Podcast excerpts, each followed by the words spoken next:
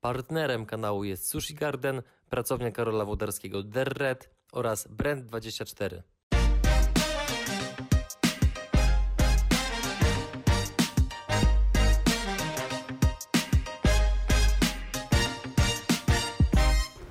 Cześć Filip. Cześć Adrian.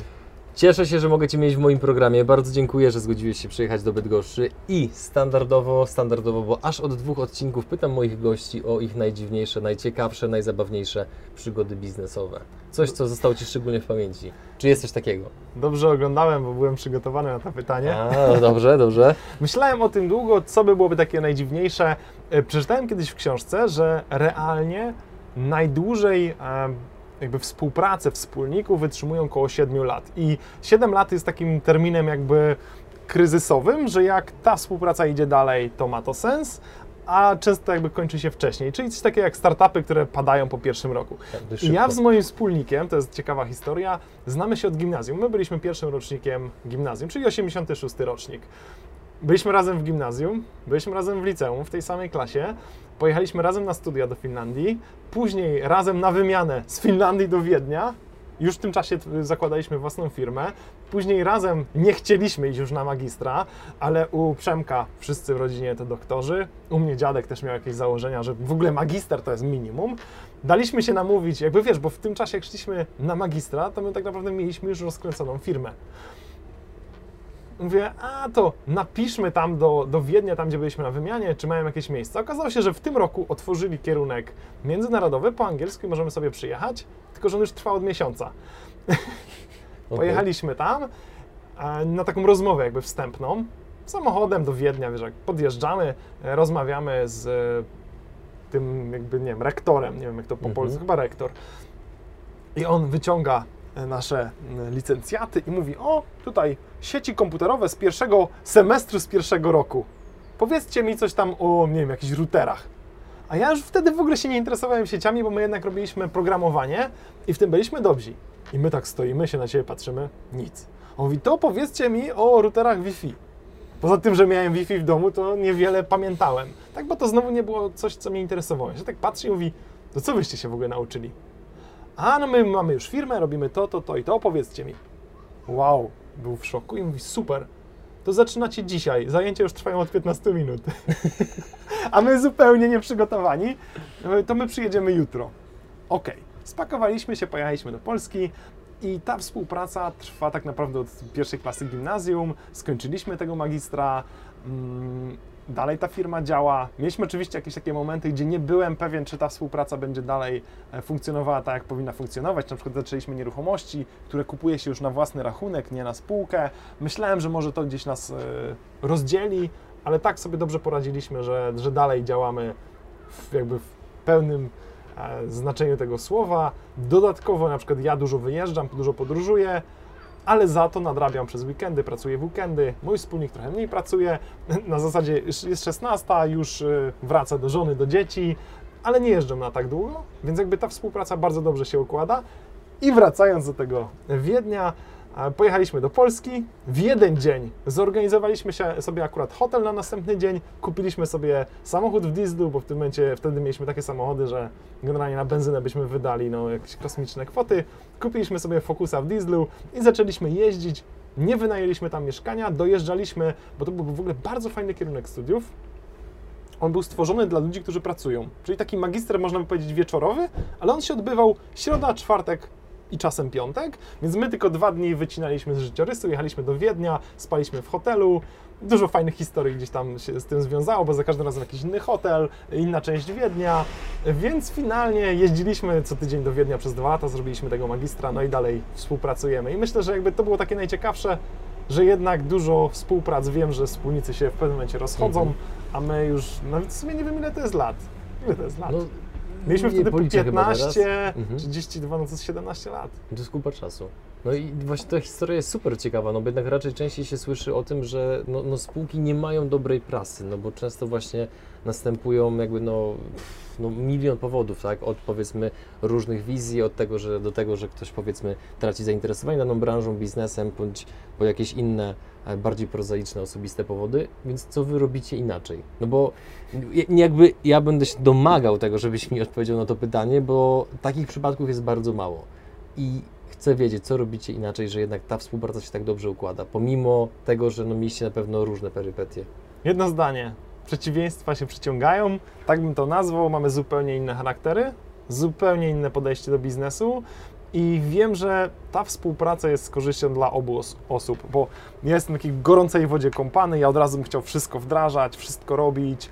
To musi być natychmiast, a znowu Przemek jest bardziej, e, on tak no spokojniej, on musi to przemyśleć, musi się zastanowić, to musi być dopracowane, dopieszczone i my spotykamy się w środku, czyli on mnie trochę spowalnia, a ja go trochę przyspieszam i finalnie to też zastanawiałem się, jak to jest, że my tyle lat tak naprawdę osiągamy sukcesy, że nie mamy jakby takich momentów krytycznych i że byliśmy w stanie przeżyć wszystkie gorsze chwile właśnie przez to, że ja patrzę na niego z boku i on patrzy na mnie, przez co my jesteśmy w stanie dużo łatwiej wyłapać swoje tam błędy czy potknięcia i przeanalizować to we dwóch, a nie w jedną osobę. Czyli nie jesteśmy takimi, tak naprawdę nie jesteśmy dwoma osobami, które działają solo, tylko działamy w zespole. I jakbym tak się zastanowił, to faktycznie były takie momenty, gdzie nasz pomysł nie zagrał. Na przykład odpalaliśmy drugi czy trzeci pomysł z kolei, czyli dawaliśmy sobie pół roku, czy on wypali, czy nie wypali. Kolejny pomysł nie wypalał i znowu nie wypalał i znowu nie wypalał. Na szczęście jakby się motywowaliśmy do tego, żeby, zaczyn- żeby działać ciągle, że to w końcu będzie miało sens. Mhm. Jak u Was wygląda komunikacja w trudnych momentach? No bo na pewno są czasami różnice zdań i nie wyobrażam sobie, że zawsze to wygląda w ten sposób, że macie założone krawaty i bez używania niecenzuralnych słów coś tam załatwiacie. Na pewno są momenty, które są czasami bardziej gorące niż inne. I jak wtedy ta komunikacja wygląda? Czy macie jakieś powiedzmy zasady typu, że powiedzmy o pieniądzach nie rozmawiacie przez telefon ani przez Messengera, SMS-a, tylko zawsze na żywo? Czy to są tego typu zasady bądź jakieś powiedzmy inne? Nie jestem w stanie Ci powiedzieć o konkretnych zasadach, bo ja mam wrażenie, że ich po prostu nie ma. Że my Mhm. tak się dobrze rozumiemy, że ja na przykład bez pytania wiem mniej więcej, jak się on zachowa i, i vice versa. Więc czasem ja nawet ubijam sam pomysł w swojej głowie, mówię, a Przemek i tak tego nie puści. I z tego co wiem, to on też czasem też ma takie podejście, że a nie, to bez sensu jest, bo to nie jest w naszym stylu. Więc on jakby też myśli o tej drugiej stronie, ja myślę o tej drugiej stronie i no, chciałbym Ci odpowiedzieć, że jest coś konkretnego, jakiś taki Mhm. po prostu złota myśl, która daje nam to, tą współpracę, ale myślę, że po prostu jesteśmy idealnie dograni. I jeśli miałoby się coś rozsypać w międzyczasie, no to pewnie już by tak było, a myślę, że już nie wiem, zobaczymy jak. jak... Jesteście dłużej razem niż chyba w małżeństwach, co? No. no właśnie, nie? A no dobra, to zapytam z innej strony. Hipotetycznie, mam 19 lat, 20, 20 kilka, przygotowuję się gdzieś tam mentalnie do tego, żeby uruchomić swoją pierwszą firmę, no i rozglądam się powiedzmy za wspólnikiem. Być może chcę go znaleźć wśród swoich kolegów, być może szukam go na jakiejś grupie e, dla e, co-fo- co-founderów e, na Facebooku. Na co Ty byś zwracał uwagę, gdybyś musiał dobierać sobie wspólnika raz jeszcze? Na to, żeby miał zupełnie inne kompetencje niż ja, Mhm. czyli jak on umie to samo co ja, to ta współpraca nie ma sensu. Mhm. No bo skoro ja na przykład, nie wiem, porównując nieruchomości, bo mniej więcej tym się teraz e, zajmujemy, ja jestem dobry w pozyskiwaniu, on jest dobry w remontach. Jeśli dwaj byśmy byli dobrzy w pozyskiwaniu, a nikt w remontach, albo obydwaj dobrzy w remontach, to tu nie byłoby wspólnej korzyści, bo w naszym wypadku 1 plus 1 nie daje 2, powiedzmy, że 3. Tak naprawdę we dwóch robimy dużo więcej niż byśmy byli e, w stanie zrobić indywidualnie, a niestety jakbyśmy mieli dokładnie te same kompetencje, no to to by się sprowadzało do tego, że duplikujemy swoją pracę. Mhm. Dużo osób się mnie pyta, słuchaj Filip, dlaczego na szkolenie na przykład z nieruchomości jeździsz sam? Wyprzedziłeś moje pytanie. Jestem ja sam, nie ma tam ani Przemka, ani mojej żony, bo moja żona też zajmuje się z nami nieruchomościami. Dlaczego tak jest? Ja mówię, bo ja jadę na te szkolenia, których ty mnie spotykasz, które dotyczą tylko mojej działki, czyli na przykład pozyskiwania, zarządzania tym biznesem nieruchomościowym, a jeśli jest na przykład szkolenie z deweloperki, to jedzie tam mój wspólnik. A jeśli jest szkolenie, moja żona nie jeździ na szkolenia, ona wszystko dobrze wie. I faktycznie tak się sprawdza, więc y, Mhm. albo spotkasz mnie, albo mojego wspólnika i zawsze to są różne eventy. Co więcej, dlaczego też jeździmy osobno? Bo nie wiem, czy się spotkałeś z tym, czy byłeś kiedyś na evencie, nie wiem, ze swoją żoną, z dziewczyną, e, z kolegami, trzymasz się tej paczki. Tak. Raczej mm, Bezpieczna przystań, prawda? Dokładnie. I zawsze siedzisz koło nich, wracasz do nich, rozmawiasz z nimi. Jak jedziesz sam, to nie masz takiej możliwości.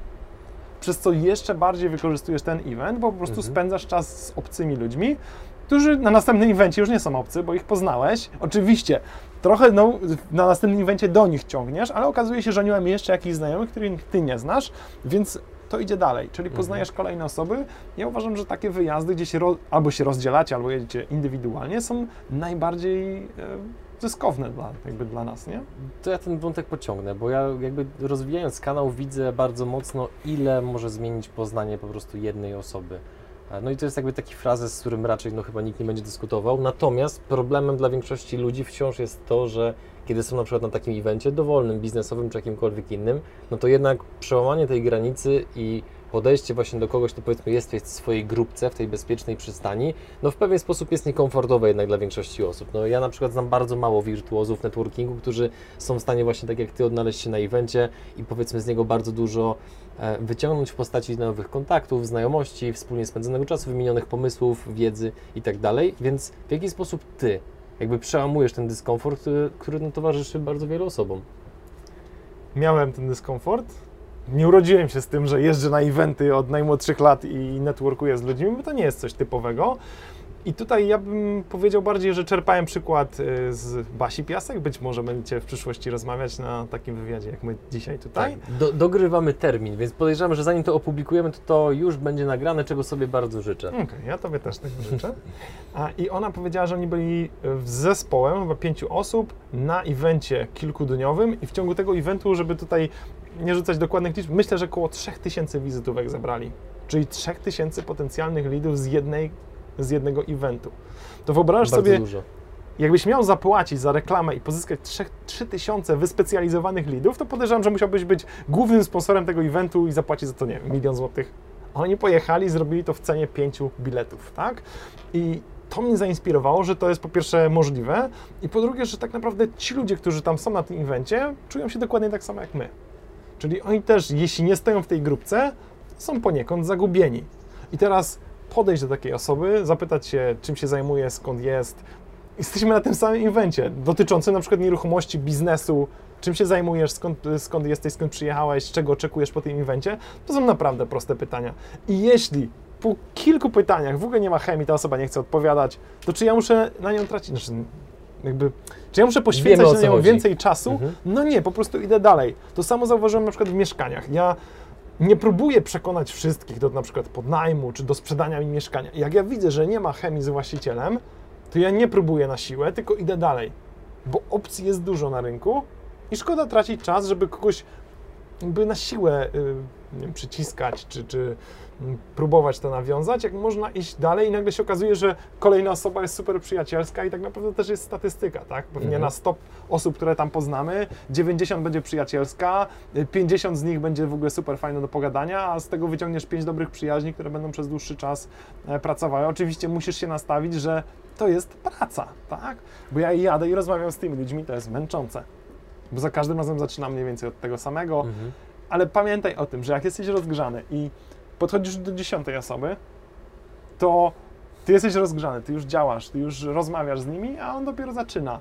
I jakby to jest też bardzo fajna rzecz. Zauważyłem to w zeszłym roku, byłem na evencie i mieliśmy tam stoisko. Więc siłą rzeczy ja zostałem przy tym stoisku, czyli wszyscy szli na salę, na wykłady, a ja zostawałem z kim? Tak naprawdę z kim ja tam zostałem? Topowe osoby z nieruchomości też miały stoiska koło mnie. Ja nagle mam każdą przerwę, która, znaczy nie przerwę, e, każdy wykład, który trwał po półtorej godziny, wszyscy są na sali, wszyscy się edukują, a ja mam te wszystkie osoby koło siebie, które będą występowały. Wyobrażasz Idealna sytuacja. Podchodzę do jednej, gadamy przez półtorej godziny. Taka osoba bierze na przykład 5 tysięcy za godzinę konsultacji, a ja właśnie z nią spędziłem półtorej godziny gadając na wszystkie tematy, tak? Kolejna, Mhm. kolejne wykłady, idę do kolejnej osoby i znowu z nią rozmawiam. Po takim, takich dwóch dniach ja tak naprawdę znałem te osoby dużo lepiej niż byłbym w stanie na jakichkolwiek konsultacjach poznać płatnych. I zdałem sobie sprawę, że część osób też zostaje, nie wchodzi na salę i mimo tego, że na sali jest wartościowa wiedza, to ja dalej uważam, że na eventach, na zjazdach najwartościowsze są kontakty, które właśnie nawiązujemy w trakcie tego, jak inni się szkolą. Dobra, to zamykając ten temat klamrą, biorąc pod uwagę to, że często jesteś na eventach, to jakie z Twojej perspektywy najczęściej ludzie popełniają błędy? Już jakby abstrahując od tej bezpiecznej przystani, którą omówiliśmy, czy są jakieś takie inne pas, które uczestnicy konferencji popełniają i tak, tak naprawdę de facto na nich tracą?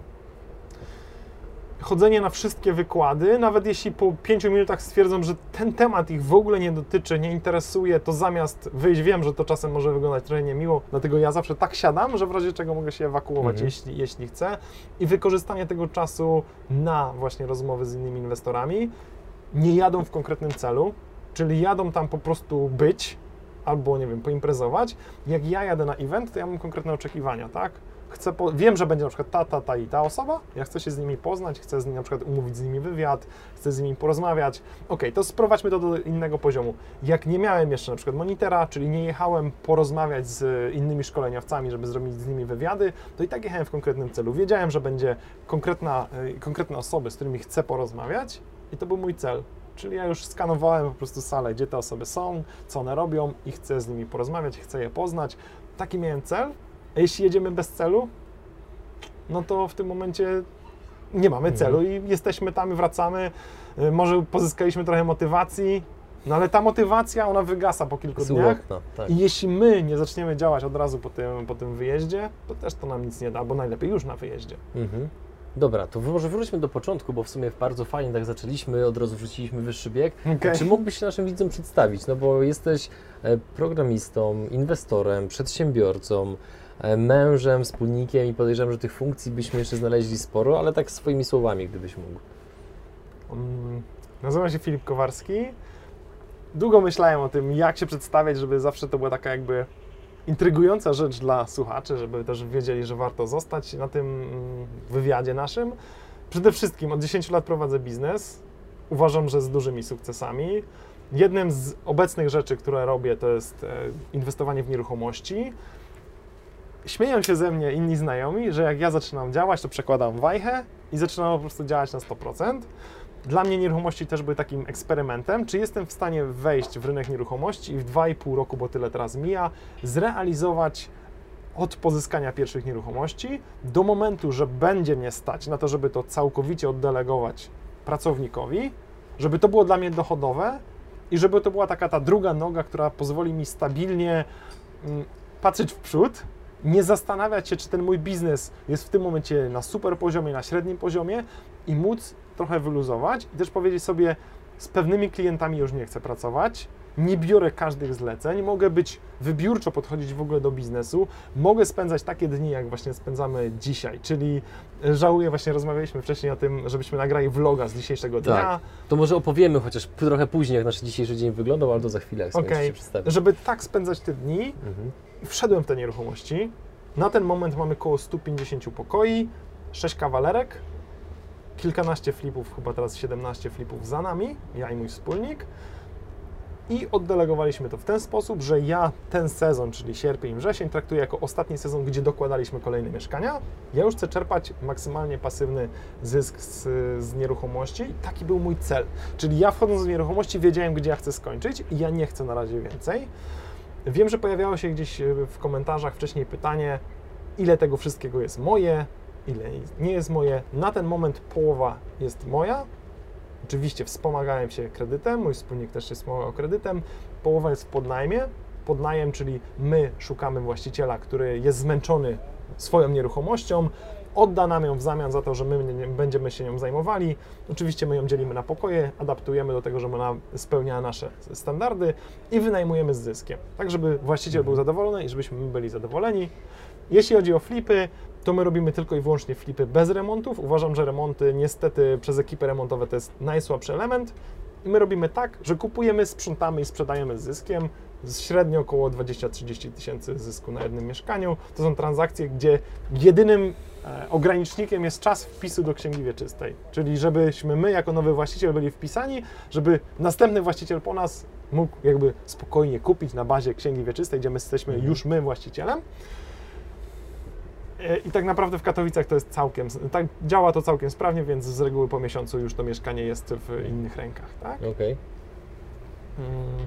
Trochę się zgubiłem, zapomniałem. Bo może poruszmy temat monitera, bo powiedziałeś nam, jak to wygląda u Ciebie, jeżeli chodzi o nieruchomości. E, Fajnie, że podałeś nam troszeczkę liczb, bo dzięki temu e, widzowie i słuchacze mogą sobie wyobrazić, w jakiej to skali u Ciebie działa. Natomiast czym jest monitor, jak powstał, gdzie zmierza? Jak wspominałem wcześniej, 10 lat już miałem własną firmę. To była firma informatyczna, gdzie realizowaliśmy tylko i wyłącznie swoje pomysły. Czyli my mieliśmy jakiś pomysł, my go tworzyliśmy, my chcieliśmy na nim zarabiać. To nie było tak, że ktoś do nas przychodził, zróbcie to, zróbcie to, zróbcie to. Więc jakby my nigdy nie mieliśmy tak de facto współpracy z innymi firmami. Nam zależało na tym, żebyśmy my zrealizowali pomysł i na nim zarobili. I monitor był jedną z rzeczy, która w ogóle nie miała być rzeczą zarobkową w ogóle. Ja mówię, brakuje narzędzia, które wyszukiwałoby okazję na rynku nieruchomości. Wróciłem po swoim pierwszym szkoleniu, zacząłem działać, traciłem czas na portalach. To nie miało Mhm. sensu. No bo właśnie, jak wyglądało po- poszukiwanie okazji w internecie przed monitorem? Tak jakby zakładam, że niektórzy mogą być absolutnie laikami, jeżeli chodzi o nieruchomości i tak, Mhm. żebyśmy to wszystko, powiedzmy, użyć pewną chronologię. No rozumiem. Jak to się robiło przed monitorem? Na szkoleniu pozyskałem wiedzę, wiedziałem czego szukam. Wszedłem do domu, poszukałem wszystkie możliwe portale ogłoszeniowe. Powiedzmy, że 10 było najistotniejszych, ale jest ich nie, około setki. Wybrałem 10 najistotniejszych, otworzyłem nową przeglądarkę, nowe karty, ustawiłem sobie kryteria i odświeżałem strony.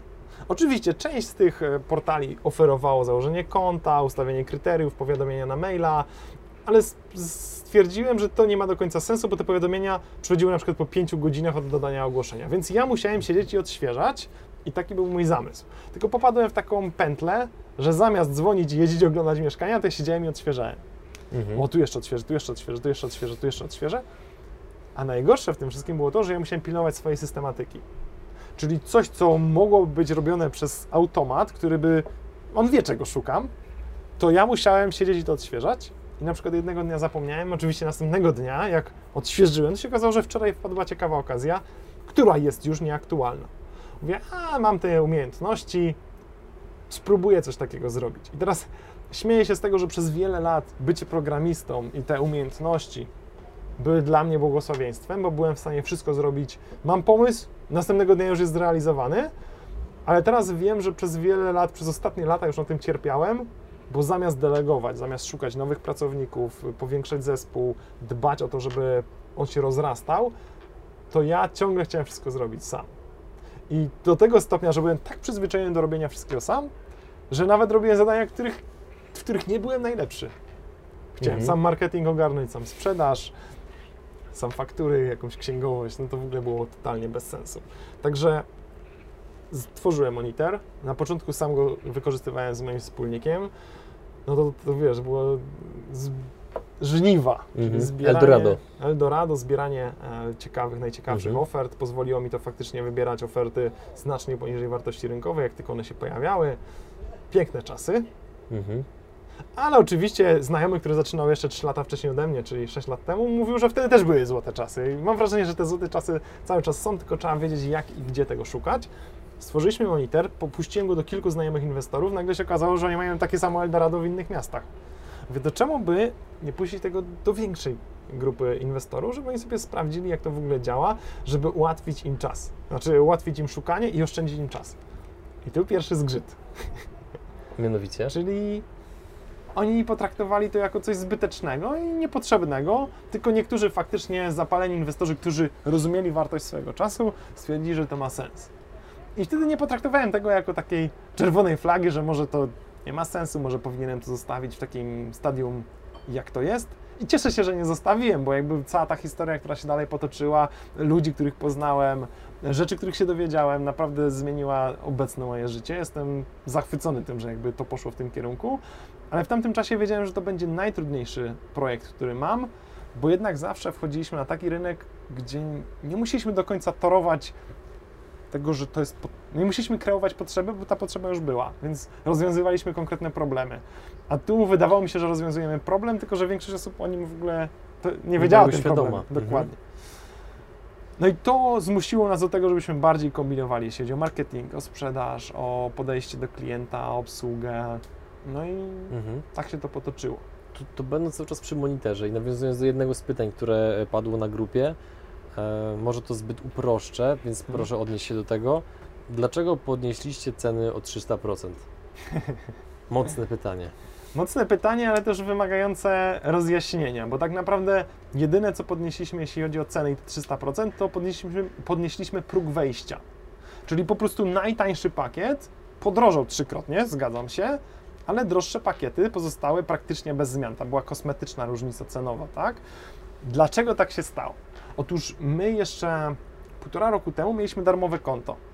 I to darmowe konto niestety generowało nam większość zapytań do obsługi klienta, większość telefonów, e, ludzi, którzy oczekiwali, że my za nich to skonfigurujemy, że my im pomożemy. To było, by Ola, która jest u nas na obsłudze klienta, nie wyrabiała się w ogóle czasowo, żeby to wszystko obsłużyć. To mówię, co moglibyśmy zrobić, żeby jednak nie mieć aż tyle, bo, bo, mogliśmy zatrudnić dodatkową osobę, albo zrezygnować z konta darmowego. Stwierdziliśmy, że zrezygnujemy z konta darmowego i najtańszym pakietem był pakiet, który teraz widzę, że cena była tak naprawdę śmieszna. On kosztował chyba 300 zł rocznie, czyli 25 zł brutto miesięcznie. Ceny To rzeczywiście. dla mnie tak naprawdę wydawało mi się, Mhm. że to były wysokie ceny, ale to może pogadamy o tym za chwilę. Mhm. Zrezygnowałem. A, no i podnieśliśmy te ceny. Dlaczego to się, tak się stało? Otóż zauważyłem pewną zależność. Od czasu do czasu, jak jedę w dłuższą trasę, to odpalam BlaBlaCara. I jak odpalałem tak, że na przykład z Katowic do Gdyni proponowało mi 50 zł, żebym wziął, dawałem 50 zł, wiozłem dwie osoby, stówka dla mnie, tak? Mówię, a co by było, jakbym podniósł do maksymalnej ceny, czyli powyżej 100 zł, czy byłoby tak, że wezmę wtedy tylko jedną osobę, ale wiozę jedną osobę.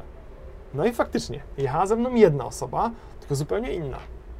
Osoba już ambitna, przedsiębiorca, i powiedziała, e, prze- przedsiębiorcza, i która powiedziała mi, ja szukałem najdroższych ofert, bo wtedy jadę z najciekawszymi kierowcami. I ja mówię, hmm, ciekawe, czy to działa w drugą stronę, czyli wtedy jadą też najciekawsi e, pasażerowie. I faktycznie od tamtego czasu robię tylko tak, że daję maksymalną cenę w BlaBlaCarze i jeżdżą najciekawsze osoby. Faktycznie kilka osób, ciągle z nimi mam kontakt. E, jeden chłopak rozkręcał startup, miał 18 lat, e, drugi gdzieś tam pracował w firmie informatycznej. Jakby ciekawe, ciekawe naprawdę y, rzeczy. To ja się pod tym podpiszę, bo ja y, przez jakiś czas, moja, moja Kamila się właśnie mnie pytała, że czemu na tym BlaBlaCarze zawsze ustawiam maksymalne ceny. I jakby ja to tak rozumowałem po prostu, no, że słuchaj, jeżeli ktoś jest w stanie zaakceptować maksymalną cenę, która aż się świeci na czerwono w tym Mhm. programie, no to prawdopodobnie y, no, zwyczajnie stać go na to, nie? A jeżeli go stać na to, to to z czegoś wynika. Najczęściej z tego, że ktoś powiedzmy e, więcej się uczył, powiedzmy no pracuje e, i tak dalej. I za każdym razem poznawaliśmy tak ciekawe osoby, że po prostu ja zbierałem zęby z podłogi, bo raz spotkaliśmy e, pana, który już był na emeryturze, okazało się, że był pułko, pułkownikiem przez ileś tam lat, latał po całym świecie, opowiadał nam o swojej rodzinie, o tym jak wykształcił syna, który wleciał do Stanów Zjednoczonych i tak dalej. Potem poznaliśmy kobietę, która była około 60 roku życia. Jak ja ją zobaczyłem, no to jakby oczywiście mylnie, z tym mi teraz jest wstyd i przepraszam, założyłem jak ta pani korzysta z BlaBlaCara w takim wieku, nie? No i się nagle okazało, że mam do czynienia z kobietą, która w informatyce siedzi prawie 40 lat, nie? I że pracowała w Stanach Zjednoczonych bardzo długo, w różnych korporacjach. Jak zaczynam swoje opowiadać historię, to ja tak po prostu dosłownie mentalnie tak bym się cofnął do, do momentu, jak jeszcze z, z, z sam kciuka, nie? To po prostu była taka, taka różnica doświadczenia. I jakby stwierdziłem, że to jest właśnie bardzo dobra metoda i absolutnie się nie dziwię, że Ty też tak robisz. No i posłuchaj dalej, bo to się też sprawdziło w pokojach. Jeśli mieliśmy cenę średnią w Katowicach za pokój 650-700 zł, to został nam jeden pokój, których po prostu chcieliśmy się już pozbyć, już się kończył sezon, mówię, pozbądźmy się tego. Wystawiliśmy go za 550 zł, czy tam za 500, czyli znacznie poniżej ceny rynkowej. I mówię, a to się wynajmie pewnie w godzinę i będzie spokój. Ale nie, nie zmieniła się ilość telefonów, tylko zmieniły się osoby, które dzwonią. Nagle ze studentów, z rodzicami, gdzie y, ułożeni ludzie, studia medyczne, zaczęli dzwonić renciści, którzy szukają pokoju z telewizorem, e, samotne matki z dzieckiem, które mają trudną sytuację finansową i mieszkaniową, czyli zupełnie nie nasz target. I mówię, czy przypadkiem tu nie byłoby tak, że znowu możemy Ole z tej obsługi klienta odciążyć ilością zadań i po prostu skupić się na tym, żebyśmy my tak naprawdę dali miejsce, mm, żebyśmy my przeskoczyli jakby ten poziom wyżej, żeby u nas próg wejścia był trochę wyższy, być może to będzie Mhm. mm, korzystne. I teraz, no nie mówię tego, żeby tutaj więcej na tym systemie zarabiać, bo zgadzam się, że ubyła nam ilość użytkowników. Ale to było świadome, bo tak naprawdę teraz mniejsza ilość użytkowników generuje tak naprawdę podobne przychody, a Mhm. mamy dużo mniejsze koszty obsługi tego teraz każdą osobę możemy traktować bardziej indywidualnie. Tak naprawdę możemy poznać swoich użytkowników i lepiej dostosować w ogóle całą komunikację do tych pojedynczych osób. Co jest dla mnie naprawdę niesamowite, bo teraz jadąc na jakikolwiek event, ja naprawdę spotykam użytkowników Monitera, to są już moi znajomi, z którymi naprawdę dobrze się rozmawia. Najśmieszniejsze jest to, że mamy stoisko, e, część ludzi podchodzi do mnie, część ludzi podchodzi do Oli, część ludzi podchodzi do Kamila, który u nas jest w dziale sprzedaży i po prostu mamy tak fajne relacje z tymi ludźmi, że to już jakby produkt ma mniejsze znaczenie niż nasza znajomość, gdzie naprawdę się lubimy, lubimy się spotkać, dlatego też jeździmy na wszystkie eventy, bo wiemy, że tych ludzi tam będziemy spotykać. I to Mhm. jest po prostu niesamowite, że byliśmy w stanie wykształcić taką przyjaźń z osobami, które tak naprawdę poznaliśmy dzięki oprogramowaniu. Okej, dobra, a bo wiesz co, wydaje mi się, że tak się teraz zastanawiam, ile osób e, poruszyło akurat ten wątek wywiadu, no bo jednak e, podniesienie cen swoich usług to jest raczej dużo rzadziej spotykany kierunek, aniżeli ich obniżenie, tak? W, wokół czego krąży gdzieś tam większość branż i ciągle się słyszy o wojnach cenowych. Więc teraz pytanie, jeżeli ktoś jest w takim momencie, stoi przed takim dylematem, to jak ty to jakby rozegrałeś w swojej głowie, żeby jednak zaryzykować? No bo roz, rozumiem odniesienie do BlaBlaCara, natomiast no jednak BlaBlaCar to jest jakby no coś de facto zupełnie innego, tak? No to jest jazda okazjonalna od czasu do czasu, żeby ciekawych ludzi poznać, a tutaj jednak mamy do czynienia z realnym biznesem, gdzie jest firma, są zatrudnieni pracownicy. Tych jednak ryzyk jest dużo więcej, więc zakładam, że to nie było na zasadzie takiej, a dobra, podnieśmy cenę i z głowy jedziemy, tylko prawdopodobnie był jakiś proces myślowy za tym wszystkim jakiś być może stres czy coś takiego. Był strach, co Mhm. teraz, jak przestanie się całkowicie sprzedawać, czy to w ogóle ma sens, czy nie przesadzamy. Ale ja tylko wspominam o tym, że my podnieśliśmy próg wejścia, a nie podnieśliśmy cen tych droższych pakietów, Tak, czy tam podnieśliśmy je symbolicznie, tak?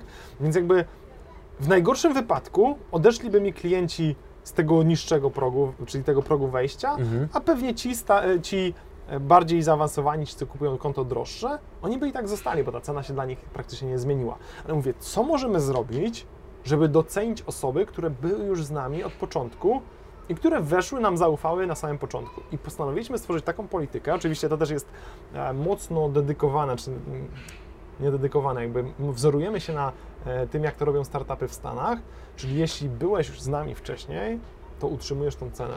Czyli Mhm. jeśli kontynuujesz u nas przedłużanie i kupiłeś konto dwa lata temu, to jest opcja, że zachowujesz tą cenę. Oczywiście musisz zachować ciągłość, ale my w ten sposób nagradzamy tych, tych ludzi, te To osoby, jest ukłon w ich stronę. ukłon w ich stronę. I teraz my zrobiliśmy też dość mocną kampanię, żeby poinformować osoby, że teraz jest ostatni tydzień, czy ostatnie dwa tygodnie Mhm. na to, żeby y, zdecydowali się na te tańsze konta, które będą mogli przedłużać w przyszłości. Oczywiście pod warunkiem utrzymania ciągłości.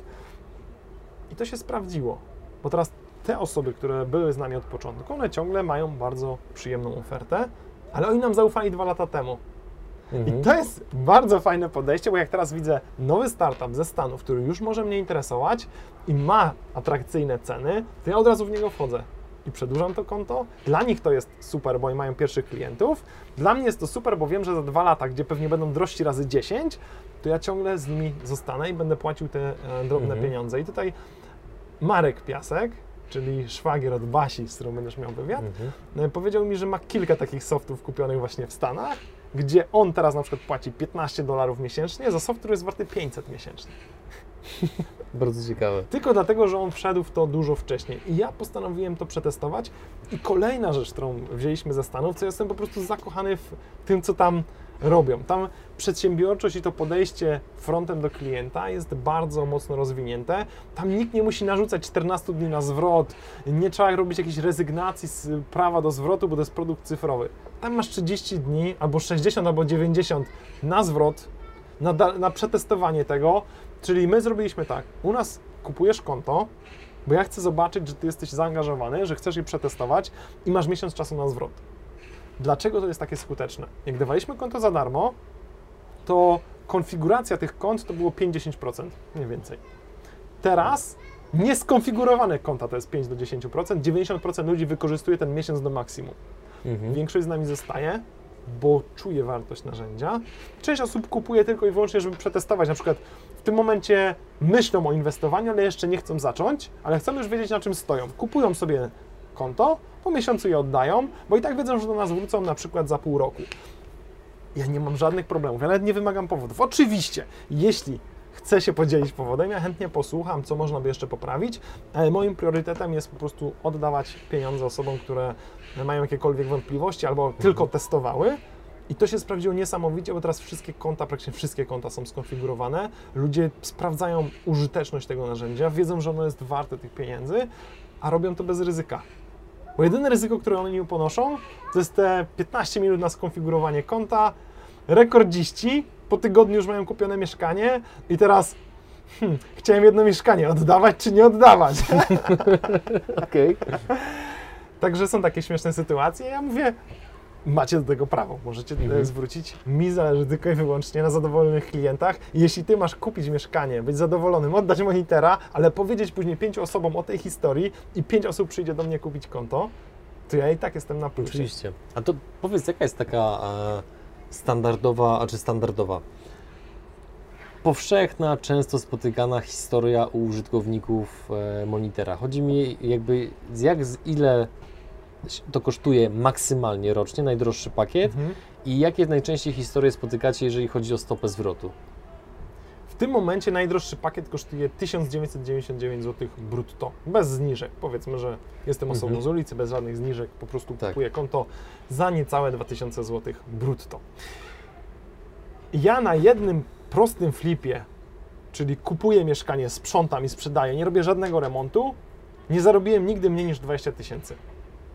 Czyli w takiej sytuacji, gdzie ja przez rok kupiłem tylko jedno mieszkanie i kupiłem sobie monitera, to ja zarobiłem właśnie 18 tysięcy złotych, gdzieś plus minus, nie Mhm. wchodząc tam w waty, nie waty, 18 tysięcy, bo 2 tysiące poszło na zakup monitera, tak?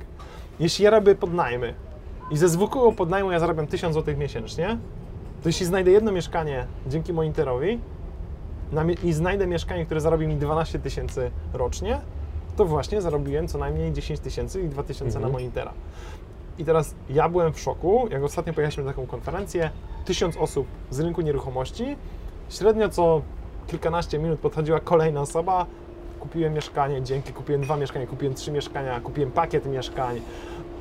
I wiesz, co jest naj- najbardziej niesamowite, że to są osoby, które raz weszły, skonfigurowały ustawienia i one już, te ustawienia im działają, te powiadomienia im przychodzą, nie muszą więcej czasu na to Mhm. poświęcać. Jedyne ich zadanie odebrać powiadomienia, otworzyć, zadzwonić, umówić i reszta już jest po ich stronie, tak? Więc da się, dużo ludzi e, kupuje mieszkania. Ja uważam, że skuteczność jest bliska 100%, jeśli aktywnie korzystasz z tego narzędzia. Mhm. Często na Facebooku spotykam takie dyskusje, gdzie e, ciężko jest stwierdzić, czy to piszą ludzie, którzy już mają pojęcie o nieruchomościach, bo w tym rynku są, bądź w nim byli, że e, tymi nieruchomościami zajmuje się coraz więcej osób i że w ogóle taki e, najlepszy biznes na nieruchomościach to jest robienie szkoleń o nich albo pisanie o nich książek, tak najbardziej złośliwi piszą. I teraz pytanie też od moich e, widzów, którzy zdali Ci je na grupie, Grupa Przygody Przedsiębiorców, tak, autoreklama. E, czy opłaca się nadal wejść w nieruchomości? Tak, nie. Jeżeli nie, to dlaczego? Jeżeli tak, to też dlaczego? Na początku z angielska disclaimer. Nieruchomości czasem są sprzedawane jako coś, co jest rozwiązaniem dla leniwych, łatwa kasa, szybka kasa. Tak nie jest. Ja uważam, że pierwszy rok po tym, jak zacząłem inwestować w nieruchomości, to był jeden z trudniejszych lat w moim życiu, bo problemy, które napotykałem i wyzwania, to był cały wachlarz wyzwań, których ja nigdy wcześniej nie miałem w ogóle z nimi do czynienia. Pozyskiwanie, o co ja się mam pytać pośrednika, o co ja się mam pytać właściciela, negocjacje, y, notariusz, w ogóle skąd ja mam wziąć notariusza, jak ja mam zrobić remont, jakie wyposażenie. Ta wiedza jest na szkoleniach, no ale wiesz, jak dwa dni się szkolisz, to później nie pamiętasz po pół roku, co masz zrobić. Rzeczy jest naprawdę sporo. Tylko, że mi się wtedy wydawało, że moje problemy są unik- unikalne, nikt takich problemów nie miał. Ale wchodzę na grupę na Facebooku, wpisuję swój problem i nagle się okazuje, że 10 osób już miało podobny, miało te same rozwiązania. Ktoś mi wysyła w ogóle, wiesz, jakieś, miałem pismo od spółdzielni, ktoś mi wysyłał odpowiedź na to pismo, już gotowe, mi przygotował, albo miał jakieś przygotowane, że te problemy to, są- to jest generalnie schemat. Ale oczywiście musiałem wziąć to na klatę, musiałem się napracować, musiałem poświęcić swój czas wolny, żeby faktycznie te mieszkania pozyskać. No i co? Nadszedł sezon, czyli sierpień, wrzesień, wynajem pokoi. I mi brakło pokoi po chyba po tygodniu. Dwa tygodnie, dwa miesiące sezonu, a ja po tygodniu odbieram telefon i mówię, że już nie mam nic. A miałem 60 pokoi wtedy. Wiesz, jaki to był ból? Właśnie ktoś mi Mhm. dzwoni, że chce mi zapłacić za cały rok po 600-700 zł miesięcznie, czyli ile? 8 tysięcy, 9 tysięcy, a ja mu mówię, że już nic nie mam. To na przyszły sezon mówię, podwajamy. Na przyszły sezon mieliśmy 120. Minęły dwa tygodnie sezonu, a ja odbierałem i mówiłem, że już nic nie ma. Chociaż nie, ja już nie odbierałem w tym, w tym drugim Mhm. sezonie. Teraz mamy trzeci sezon, nałożyliśmy kolejne pokoje, kawalerki i tak naprawdę ledwo ten sezon się zaczął, a my już nie mamy ponad połowy pokoi. No chciałem powiedzieć, że współczuję, no ale bez przesady. Nie? Także e, chciałem pokazać, że to jest praca, która długofalowo procentuje. Czyli ja najpierw muszę zasiać, Mhm. zaopiekować się tym ziarenkiem, nauczyć się w ogóle jak to sadzić, podlewać, jakie są dobre warunki, nauczyć się w ogóle jak ja z tym współpracuję, a dopiero wtedy będę mógł zbierać plony. Mhm. Ja uważam, że zawsze jest dobry moment, żeby wejść w nieruchomości. Dalej jest dobry moment, bo dalej da się kupić takie mieszkania, które dadzą naprawdę dobrą stopę zwrotu. Tylko, że ja rozumiem pisanie, że najlepiej teraz się zarabia na szkoleniach czy na pisaniu książek. Oczywiście. Ale pewnie to piszą osoby, które nie wiedzą, ile można na nieruchomościach zarobić. Bo ja uważam, że na nieruchomościach można lepiej zarobić niż na szkoleniach. Bo skoro my od, od początku roku nie wysilając się praktycznie w ogóle, zrobiliśmy 7 flipów, tych takich, wiesz, posprzątane, Mhm. sprzedane, zysk średnio 30, 20, 30 tysięcy. Powiedzmy, weźmy wersję pe- pesymistyczną, średnio 20. Czyli skoro my zrobiliśmy te 6-7 flipów, no to mamy 140 tysięcy zysku netto, tak? Mhm. A nie napracowaliśmy się jakoś wybitnie, ja i mój wspólnik, pół roku minęło, no to mamy do podziału 140 tysięcy. Oczywiście na szkoleniu mógłbyś pewnie podobne pieniądze robić, ale to też nie dzieje się tak, że ja zaczynam dzisiaj szkolić i ja nagle mam pełną salę. No tak, to jest praca. Długofalowa. Na to, żeby mieć pełną salę, to ty musisz od paru lat się pojawiać, pokazać swoje doświadczenie, pokazać, że ty po pierwsze umiesz, umiesz uczyć, po drugie masz o czym uczyć, że masz doświadczenie. To nie jest takie proste. Ja uważam, że wolałbym ten czas poświęcić na naukę nieruchomości, inwestowania, kupowania podnajmów, flipów czy własnych mieszkań, niż na Mhm. naukę, jak sprzedawać, jak szkolić, jak y, w ogóle jak robić całe to doświadczenie, tak? Mhm. Żeby, żeby to szkolenie zrobić. Więc uważam, że nieruchomości dalej są ciekawym miejscem. Ale teraz tak, żeby tu nie było, że ja jakoś wybitnie zachęcam, bo dla mnie jest ok. Nie musi być nowych inwestorów. Dla mnie jest teraz e, wystarczająca konkurencja na rynku, zdrowa konkurencja, która pozwala mm, ciągle zachować wysokie ceny wynajmu, rentowne nieruchomości. Jestem zadowolony z tego, jak wygląda w ogóle współpraca. Ja znam większość e, inwestorów, e, którzy są w Katowicach, którzy inwestują też, mają pokoje na wynajem. My znamy się, powiedzmy, że współpracujemy. Oczywiście ja też podpatruję, co oni robią ciekawiej, co robią lepiej. Gdzieś tam rozmawiamy na ten temat, żeby jednak ten rynek szedł do przodu, żeby on był bardziej ucywilizowany. Skończyły się czasy, że wynajmowało się e, tapczan u babcinki bez umowy. Teraz dobra umowa to jest standard, mieszkania w wysokim standardzie, albo przynajmniej w tym takim Ikeowym standardzie, czyli taka Skandynawia. Ma być czysto, schludnie i z zasadami. Taki jest nasz cel, żeby ci ludzie uzyskiwali taki mini akademik po prostu w mieszkaniach, żeby oni mogli się spokojnie uczyć, spokojnie korzystać z tego mieszkania, a nie się zastanawiać, czy nie będą mieszkać w brudzie z dziwnymi ludźmi. To jest nasza głowa, żeby oni byli zadowoleni.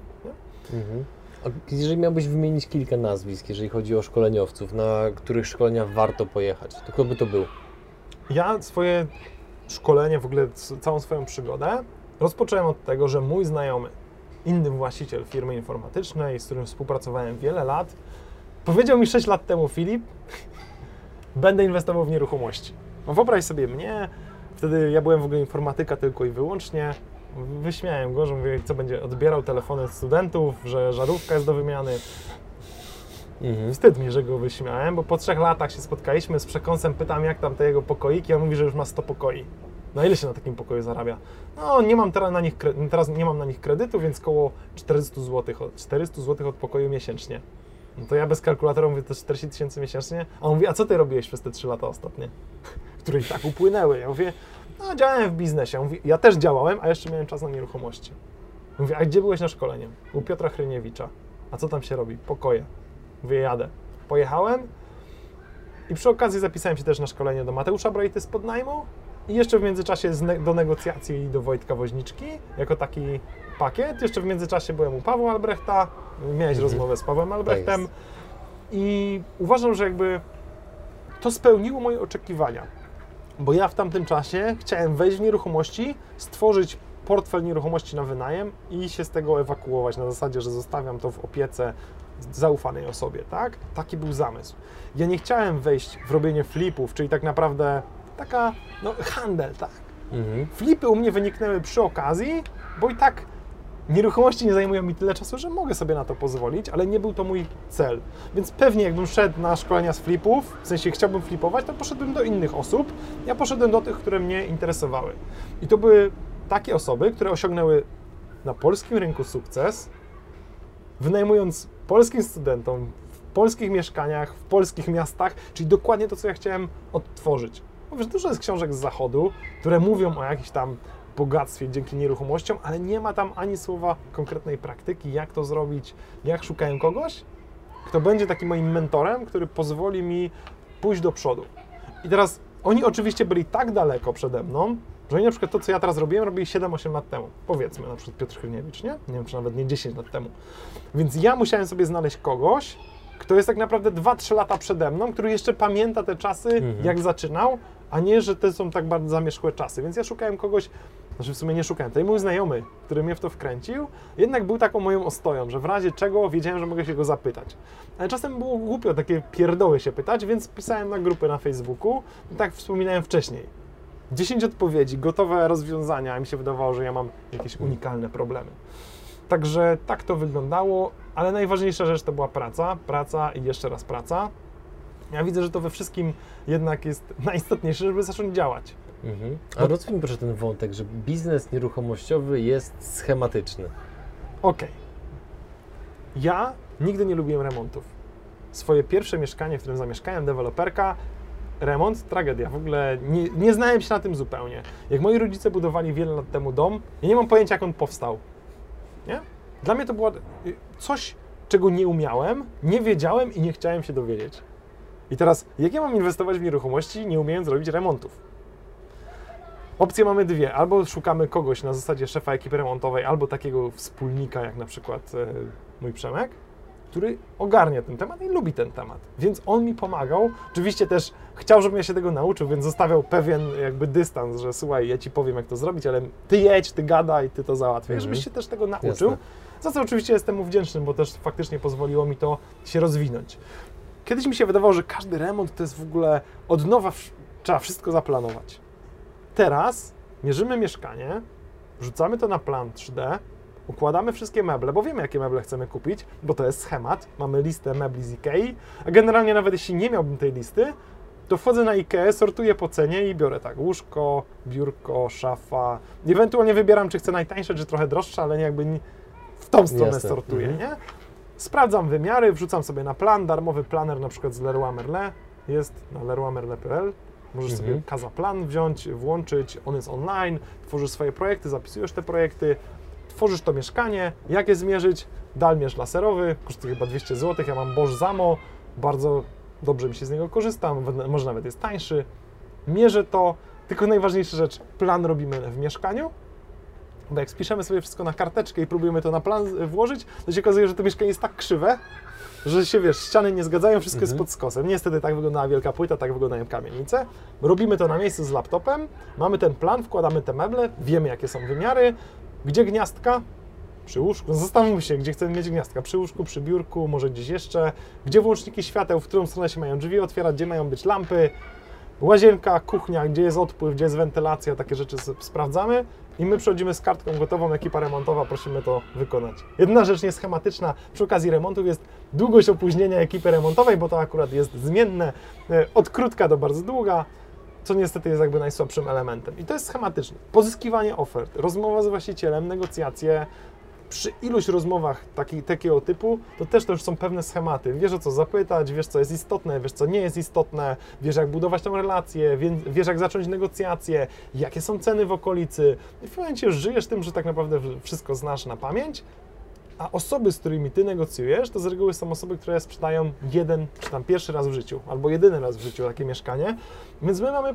poniekąd nad nimi trochę przewagę. Nie mówię, że jakąś tam e, przesadną i że możemy wszystko im tam wmówić. Z reguły ludzie są zorientowani, za ile, ile to mieszkanie jest warte, za ile chcą je sprzedać, ale my jakby mamy, mamy to doświadczenie.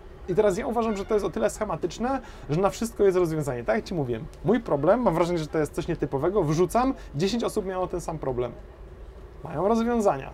Pismo ze spółdzielni mają odpowiedź na to pismo. Pismo z czegoś tam mają odpowiedź. Jak robić księgowość? Mam wyspecjalizowanego księgowego. Jak pozyskiwać okazję? Monitor. Jak, nie wiem, robić pokoje? Hryniewicz. Idę, dostaję gotowe umowy, gotowe wzory, gotowe grafiki, e, na przykład sprzątania, gotowe, nie wiem, zestawy mebli, zestawy materiałów budowlanych. I tylko idziesz i nie zastanawiasz się, nie wymyślasz, tylko kopiujesz.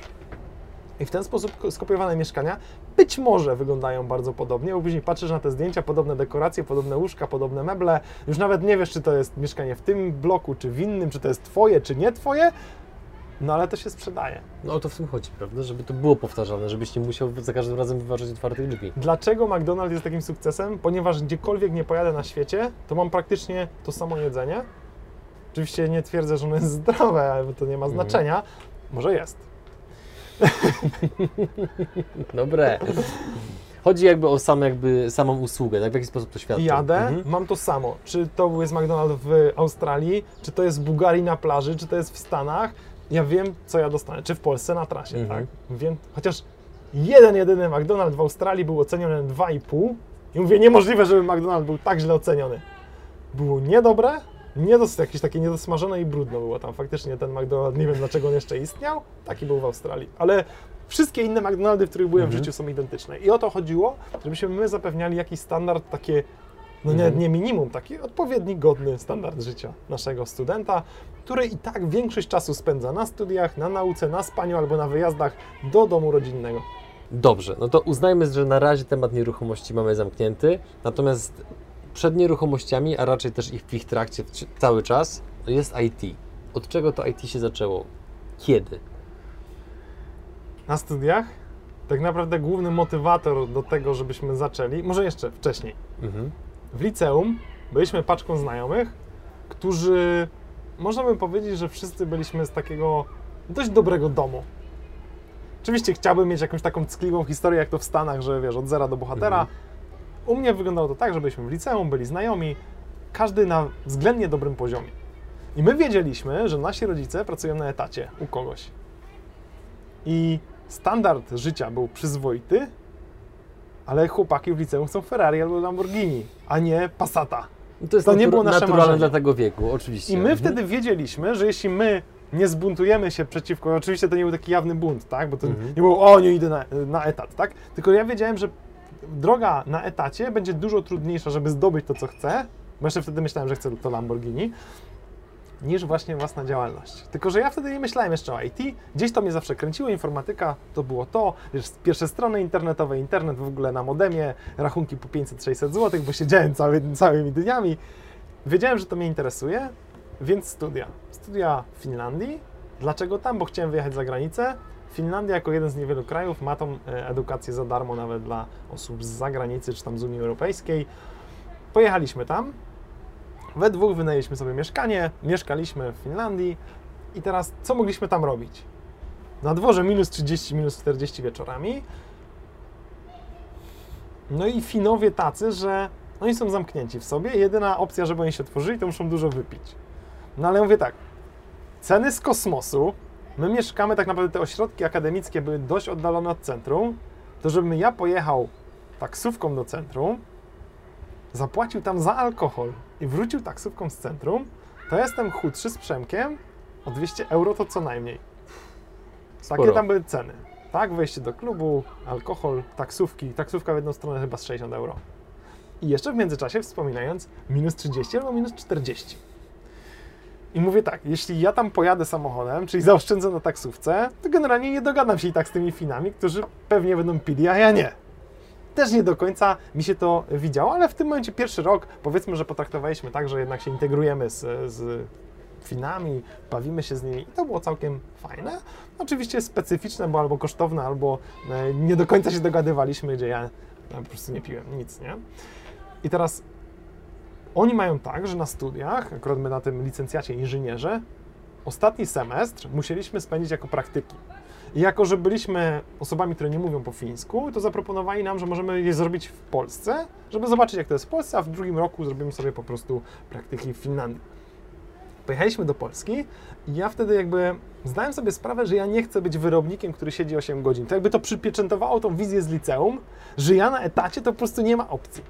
Ja się tam męczyłem, ale nie tyle, że ta praca była niefajna. Ja po prostu się tam męczyłem, dlatego że ja miałem w głowie, że ja nie chcę być na etacie, że ja muszę zrobić coś swojego. Wróciliśmy do Finlandii i drugi rok był taki, Przemek, albo coś zaczniemy robić swojego w tym momencie, albo kolejny tam semestr, ten ostatni, na drugim roku znowu spędzimy na praktykach i to nie dość, że mm, w Finlandii, gdzie zostaniemy tak naprawdę na wakacje, gdzie nie będziemy mogli wrócić do Polski, to jeszcze znowu to będzie na etacie. Co śmieszniejsze, Przemek w ogóle przeżył e, mega historię, bo on był na praktykach, na które dojeżdżał autobusem do Gliwic z Katowic, musiał wstawać o 5 rano i pracował tak długo, że on w, do, w domu było o 20. To wyobraź sobie, jakie on miał przeżycia. Jeszcze gorsze niż ja. Otworzyliśmy własną działalność, własną firmę, spółkę w ogóle cywilną wtedy, nie wiem czemu taką, Mhm. i był e, nasz pierwszy portal. I zaraz do niego przejdę, bo żebym o tym nie zapomniał. Drugie praktyki Przemek wypisał mi, a ja mu. Wyobraź sobie minę, która to akceptowała na początku trzeciego roku. Jak my mu przynieśliśmy pismo, że Przemek podpisał mi, a ja mu. Dobrze, że zaakceptowała, nie? Zaakceptowani, bo oni tam byli bardzo ugodowi, bo im zależało Aha. na tym, żeby, żebyśmy my pokazali, co my zrobiliśmy. My im to pokazaliśmy, jak to działa, co to jest. Powiedzieli, wow, super, jesteśmy dumni, Mhm. że działacie, jesteście przedsiębiorczy, bo my takie coś też wspieramy, więc nam to zaakceptowali. Oczywiście powiedzieli, że to nie powinno być tak, że my się w ogóle tak, że ich nie uprzedziliśmy, ale okej, akceptują. Nasz pierwszy pomysł to była, to były czasy, gdzie jedyne dwa narzędzia do obróbki grafiki to był Paint albo Photoshop. Paint, czyli nic ciekawego, nie dało się tam generalnie nic zrobić na nim, albo Photoshop, czyli narzędzie płatne i zaawansowane.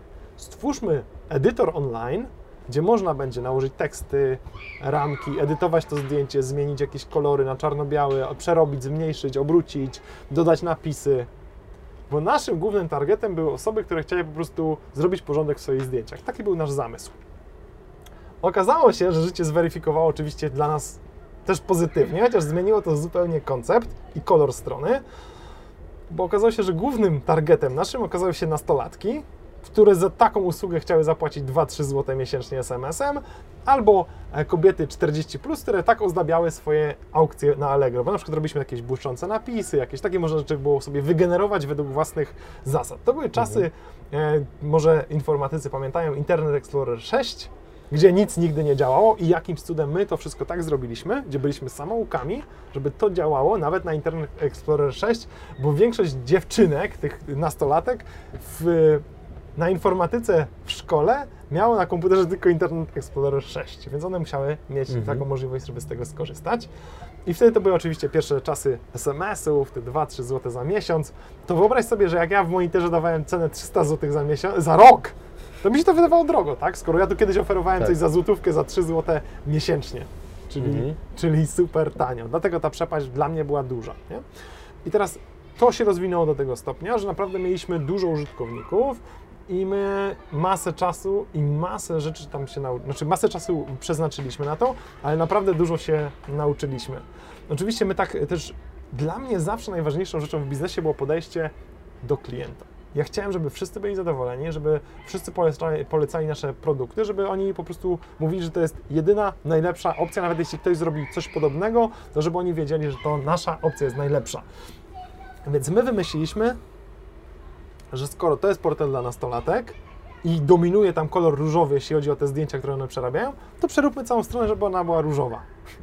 Ona była Mhm. różowa, to się oczywiście super przyjęło. I co była jakaś okazja, jakieś walentynki, to my w ogóle zmienialiśmy scenerię. Nagle się zmieniało na czerwone, były nowe dodatki, można było tworzyć te zdjęcia i wszystko super. Tylko pewnego razu wracaliśmy z Finlandii na jakiś tydzień do Polski, mieliśmy jakąś przerwę. I mówię, Przemek, Halloween będzie. Trzeba przygotować Halloween. Przygotowaliśmy Halloween, cały event, wszystkie dodatki, odpaliliśmy to i, pole, i, po, i pojechaliśmy na samolot. Tak, wróciliśmy do Polski, lecimy samolotem i w pewnym momencie mówię, ty Przemek, a kiedy jest Halloween? Okazało się, że odpaliliśmy to miesiąc za wcześnie. Ale okazało się, że użytkownicy to mega docenili. Mieliśmy całą masę maili, informacji, Aha. że dziękują, że już się mogą przygotować do Halloween. To jest taki fajny gest z naszej strony. I wtedy uświadomiliśmy sobie, że te wszystkie eventy, które odpalaliśmy tylko na tydzień przed, to oni mieli za mało czasu. Nie chcieli się tym bawić dużo częściej Aha. dużo wcześniej, więc w pewnym momencie szybciej uruchamialiśmy już te takie tematyczne rzeczy, żeby oni mogli je wykorzystywać e, na kilka okazji w przód. No i tak się to potoczyło, że to były czasy, gdzie byłem ja programista i Przemek jako programista grafik, gdzie on się na tym e, jakby czuł się w tej grafice. Naprawdę to wszystko była oprawa piękna, te dodatki były super. To było naprawdę użyteczne narzędzie. Tylko, że my zdaliśmy sobie wtedy, znaczy teraz sobie zdaję sprawę, jak to wyglądało w, e, wstecz, dlaczego ten projekt w ogóle upadł. Otóż ja uwielbiałem nowe rzeczy. Przemek też. My przez pierwsze 2-3 lata projekt uwielbiamy, rozwijamy, w ogóle to jest jakby nasz konik. Musi być tam wszystko perfekcyjne. Ale my do, do, niedawna nie umieliśmy tego pociągnąć dalej. Nie umieliśmy zrobić rebrandingu, e, zmiany komunikatu do klienta. Dla nas to było jakby nie tyle, co nie umieliśmy, co nie, w ogóle nie wiedzieliśmy, że takie coś trzeba zrobić. Tu jest e, ta książka Przeskoczyć przepaść, Crossing the Chasm. Ja ogólnie czytam książki zawsze po angielsku, bo one są dużo szybciej. Kindle ściąga, kupuję, nie ściągam, kupuję książkę z, z Mhm. reguły z Amazona albo jakiś alternatyw. Mam ją na Kindlu, jestem w stanie ją czytać zanim ona się pojawi w Polsce, czyli też trochę wyprzedzić e, potencjalną konkurencję. Akurat ta książka jest stara, ale uważam, że język angielski bardzo mi się przydał w ogóle w, w mojej historii. Choćby programiści, tak? Ja już nie szukam nic po polsku, tylko wszystko, co szukam w internecie, szukam po angielsku.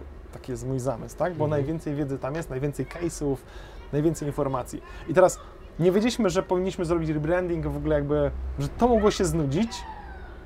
No i to upadło. Ale my w międzyczasie mieliśmy inne pomysły i każdy z, tym, z tych pomysłów e, to była taka górka. Mhm. Czyli albo dochodziliśmy do górki i sprzedawaliśmy, bo był kupiec i on umiał to poprowadzić dalej, bo robił rebranding, albo my po prostu gdzieś ten projekt y, chylił się ku, końcowo, ku, ku, ku, końcowi, bo Mhm. my już mieliśmy do niego taką mniejszą miłość, a mieliśmy miłość do czegoś nowego. Mhm. I bałem się też, że nieruchomości poniekąd takie mogą być, dlatego od razu jak wszedłem i już wiedziałem, że może nas to spotkać, że za 3 lata się nas znudzą te nieruchomości, że ja wszystko od samego początku robię tak, żeby je zautomatyzować, je oddać komuś w zarządzanie, żebyśmy my przypadkiem nie powiedzieli po 3 latach, że my już nie chcemy tych nieruchomości. Okej, dobra, a po, powiedz y, nam proszę, w jaki sposób Wy zarządzaliście projektami, które z jakichś powodów nie chwytały na rynku? No bo tak jak już rozmawialiśmy wcześniej, jak byliśmy razem na treningu, no to rozmawialiśmy i o Lean Startup, i o tych wszystkich innych metodykach, które są w tej chwili e, dość popularne i tak dalej. E, Natomiast jak Wy to robiliście, że, że, że testowaliście powiedzmy jakąś hipotezę, jakieś założenie, e, jakąś wstępną koncepcję? Ile to trwało, jak to się odbywało? Szczegóły. Był pomysł, następnie było stworzenie tego pomysłu. Z reguły dawaliśmy sobie na to dwa, góra trzy tygodnie. To były oczywiście czasy, gdzie te strony internetowe były prostsze, one nie były aż tak wymagające, e, pomysłu było mniej, to nie musiały być takie kombajny, że teraz wiesz, odpalasz SASA, rok przygotowań, 10 programistów, po prostu milion opcji. E, Taka głupia rzecz, na Facebooku edycja zdjęcia, edycja tła, takie wiesz, jak chcesz to odtworzyć, żeby to było tak intuicyjne, tak proste, to nie ma gotowych rozwiązań, chociaż to później znaleźliśmy, ale to nie jest Mhm. takie proste, że wstawiasz jakieś gotowce. I kiedyś też tak, kiedyś to wyglądało tak, że po prostu tworzyliśmy gotową stronę, która miała jakieś założenia i puszczaliśmy ją na rynek. Ale w jaki sposób? Jakąś reklamą, czy rozsyłaliście linki do odpowiednich osób, czy do influencerów, jeżeli w ogóle wtedy byli, bo to było, zakładam, dość dawno temu, czy do jakichś serwisów? Jak? I czy to jest użyteczne nadal? Kiedyś dla mnie idealnym zespołem był ten zespół, który miałem ja, czyli programista plus grafik, powiedzmy tak to Mhm. uprośćmy. Czyli osoby, które były w stanie zrobić całą stronę i ewentualnie jakoś to wykorzystać, tak? Ale teraz dla mnie idealny zespół to jest programista, grafik, sprzedawca i marketingowiec. Do tego stopnia, że nawet mógłbym zaryzykować stwierdzenie, że teraz najlepszy duet to jest marketingowiec i sprzedawca, a znajdą całą masę gotowych startupów, gotowych projektów, programistów, którzy nie mają pojęcia, jak to sprzedać, bo teraz wypuszczając gotowy produkt i pisząc do znajomych gdzieś na Facebooku, Mhm. okazuje się, że korzysta z tego kilka osób, kilkanaście i ciężko jest się przebi- przebić. Wrzucamy reklamę na Face'a, zeżarło 1000 zł i, i nic nie dało, tak? Dorzucamy jeszcze 1000 i ciągle to nic nie dało. Piszemy do znajomych, nie korzystają. Więc to jest taki, taka sytuacja, która zupełnie inaczej wyglądała 10 lat temu. Bo 10 lat temu nasz pierwszy portal, nie mam pojęcia jak się stał popularny. W sensie może trochę nie pamiętam też, Mhm. ale wydawało mi się, że to jakoś stało się tak naturalnie. Na zasadzie, gdzie mogą być nasi klienci? No tu, tu i tu. Na jakichś forach, na jakichś blogach. No to my w komentarzach. Nie Mhm. wiem, czy widziałaś, ale sprawdź to. O, jak super. I tam na przykład przy- wklejaliśmy przerobione zdjęcia, żeby było widać. Dodatkową rzeczą na każdym przerobionym zdjęciu był nasz podpis. Tak, teraz masz, wiesz, te portale Tak, takie ze tak. zdjęciami, masz te podpisy, to my robiliśmy takie podpisy i co ważne, te podpisy były ładne. Nie było tak, że chamsko wrzucaliśmy jakieś wielkie logo na dole, tylko to logo nawet dodawało jakby charakteru temu i od razu można było wiedzieć, gdzie, gdzie to zostało stworzone. Oczywiście, użytkownicy Pro mogli sobie kupić dodatek, który usuwał ten podpis. Czyli oni Mhm. chcieli mieć zdjęcia w wysokiej rozdzielczości, bo bez podpisu, ale ci najbardziej standardowi to takie zwykłe konto generowało z tym podpisem. Więc pisaliśmy po blogach, po forach i nagle zaczęło się to rozrastać przez to, że mieliśmy ten podpis na zdjęciach. Czyli tak jakby taki marketing Mhm. powiedzmy szeptany w tamtych czasach. Każdy kolejny projekt, mam wrażenie, że tak trochę to podobnie wyglądało, że dopiero koło, przy trzecim projekcie zaczęliśmy w ogóle inwestować w reklamę e, AdWords i do dzisiaj po prostu się zastanawiam, jak to w ogóle mogą o tym nie wiedzieć, że jest coś takiego jak wartość klienta w czasie, czyli jak my puszczaliśmy kiedyś reklamę na AdWordsie, która, na którą wydawaliśmy miesięcznie 10 tysięcy i w tym samym miesiącu na tej reklamie zarobiliśmy dwie dychy, czyli 10 tysięcy do przodu, i mówię, super reklama. A nie wiedziałem o tym, że tak naprawdę ci klienci, którzy wydali dwie dychy, to przez najbliższe lata wydadzą pewnie jeszcze ze 100 tysięcy. Czyli my wydając 10 tysięcy, realnie zyskiwaliśmy klientów wartych 120 tysięcy. Bardzo dobre wyniki. Mhm. Myślę, że nawet, chociaż osiągalne ciągle w tych czasach też, ale w tamtych czasach ja mogłem zwiększyć budżet pięciokrotnie i mieć równie dobre efekty. Ja po prostu nie wiedziałem, że jest coś takiego, że ta reklama musi się zwracać. Jak dochodziliśmy do momentu, że wydawaliśmy 20 i wracało 20, to już mówię, a to się reklama nie opłaca. I ją wyłączyliśmy. Mhm. A teraz wiem, że to generalnie był naprawdę mega, mega błąd. Także y, reklama dopiero się u nas pojawiła gdzieś tak od trzeciego projektu. Tych projektów od tamtego czasu zrobiliśmy kilkanaście. Jaki tutaj widzę e, problem, potencjał? Co bym teraz zrobił? To faktycznie im więcej czasu przeznaczysz na rozmowy z potencjalnymi klientami i do docierania konkretnie do indywidualnych osób, tym później musisz wydać pieniądze na reklamę. I teraz kolejna rzecz, którą się wzoruje ze Stanów, jeśli ja miałbym teraz odpalić jakiś MVP, czyli ten minimalny produkt, który ma się sprawdzić, i to finalnie byłaby platforma, która jest płatna, do takiego czegoś bym zmierzał, jakby mikropłatności teraz już jest totalny standard, to betę bym zrobił już płatną. Betę te- już płatną. Czyli ten Mhm. MVP byłby już płatny. Mhm. Czyli ja chciałbym sprawdzić, czy znajdą się ludzie, którzy zapłacą, bo tak naprawdę jedyne sensowne beta testy to sprawdzenie, czy ktoś ci za to zapłaci. Bo jeśli ja na tym etapie nie jestem w stanie tego sprzedać, to ja tego nie sprzedam później. Więc jeśli bym teraz coś odpalał, to pierwsza rzecz, zresztą tak monitor odpalaliśmy. Monitor od początku był płatny. Czyli Mhm. on był w tej wersji, słuchajcie, zrobiłem narzędzie, które mi się przydało, znalazłem już dwie okazje, minął miesiąc, możecie to przetestować, ale to płatne jest. I odzew był średni. Oczywiście cieszę się, że to jakby pociągnąłem dalej Tak, tak. przez wszystkie znajomości, przez to, jak to teraz się potoczyło, ale właśnie to mi pokazało, że ja powinienem właśnie w ten sposób podejść. Bo jakbym to dał za darmo, to być Mhm. może ludzie by mówili, wow, super. Często widzę na grupach się pojawia pytanie, słuchajcie, mam taki program do wyszukiwania okazji, dam go za darmo, kto chce. Pełno komentarzy. A później się okazuje, że z z 100 komentarzy pójdzie 100 privów, na privie pójdzie 100 linków, wejdzie 30 osób, z 30 osób 28 założy konto, skonfiguruje dwie osoby. Nie? Sukces. Czy to są dobre cudzysłowie. Wolałbym, żeby te 100 osób weszło na stronę, gdzie byłaby płatność i zobaczyć, ile tych Mhm. osób się zdecyduje w ogóle na przetestowanie tego w momencie, jak ci mają zapłacić. To nie musi być drogo. Niech to będzie symboliczne 19 zł, 9 zł, coś te, Mhm. tego typu. Nie musi to być drogie, tylko żeby trzeba zobaczyć, czy ludzie zagłosują portfelem, czy nie. Okej, a powiedz mi, bo dzisiaj sporo o tym rozmawialiśmy, co robisz inaczej niż większość przedsiębiorców, tak w Twoim odczuciu, bądź w obserwacji Twoich najbliższych osób? Bo ja dzisiaj wychwyciłem z nami kilka takich elementów. Nie chcę Ci zbyt ułatwiać i, i, i podpowiadać, co to by mogło być, bo jestem ciekaw, czy sam na to wskażesz. Jeżeli nie, to ja o tym oczywiście wspomnę. Uważam, że po pierwsze reagowanie szybko na jakieś pomysły, czyli jak mi zależy na tym, że jeśli ktoś nam coś zgłosi lub ktoś nam coś zaproponuje, albo my mamy sami pomysł, to żeby droga od pomysłu do wdrożenia była jak najkrótsza. Czyli jeśli ja uważam, że to jest naprawdę hit petarda, to ja się skupiam na tym, żeby to zrobić. Czyli mam pomysł, albo ten pomysł przychodzi z zewnątrz, ja chcę mieć to zrobione, jeśli faktycznie czuję, że to ma wartość, a nie, że mi się po prostu piętrzy lista rzeczy, pomysłów. Bo jeśli to nie jest pomysł godny wdrożenia tu i teraz, to pewnie i tak go nigdy nie wdrożymy. Druga rzecz jest taka, że ja uważam, że działam i jeśli zdobywam nową wiedzę, a szukam jej w wielu miejscach, to ja natychmiastowo ją wdrażam i sprawdzam, czy ona działa. I szybko się wycofuję, jeśli to nie działa, ale daję powiedzmy 3-4 tygodnie na to, żeby przetestować, czy to działa. Trzecia rzecz, zawsze znajduję sobie osobę, która jest lepsza w tym, co robię, w sensie, że ja chcę tam dojść i się inspiruję na maksa. Otaczam się tą osobą w sensie, jak ona ma jakieś materiały, szkolenia, produkcji, to od razu kupuję wszystko, bo ja chcę od razu wiedzieć, co ona ma najlepszego. Jeśli ta najlepsza rzecz dla mnie będzie super, to ja to od razu wdrażam, jeśli nie, to po prostu szukam dalej.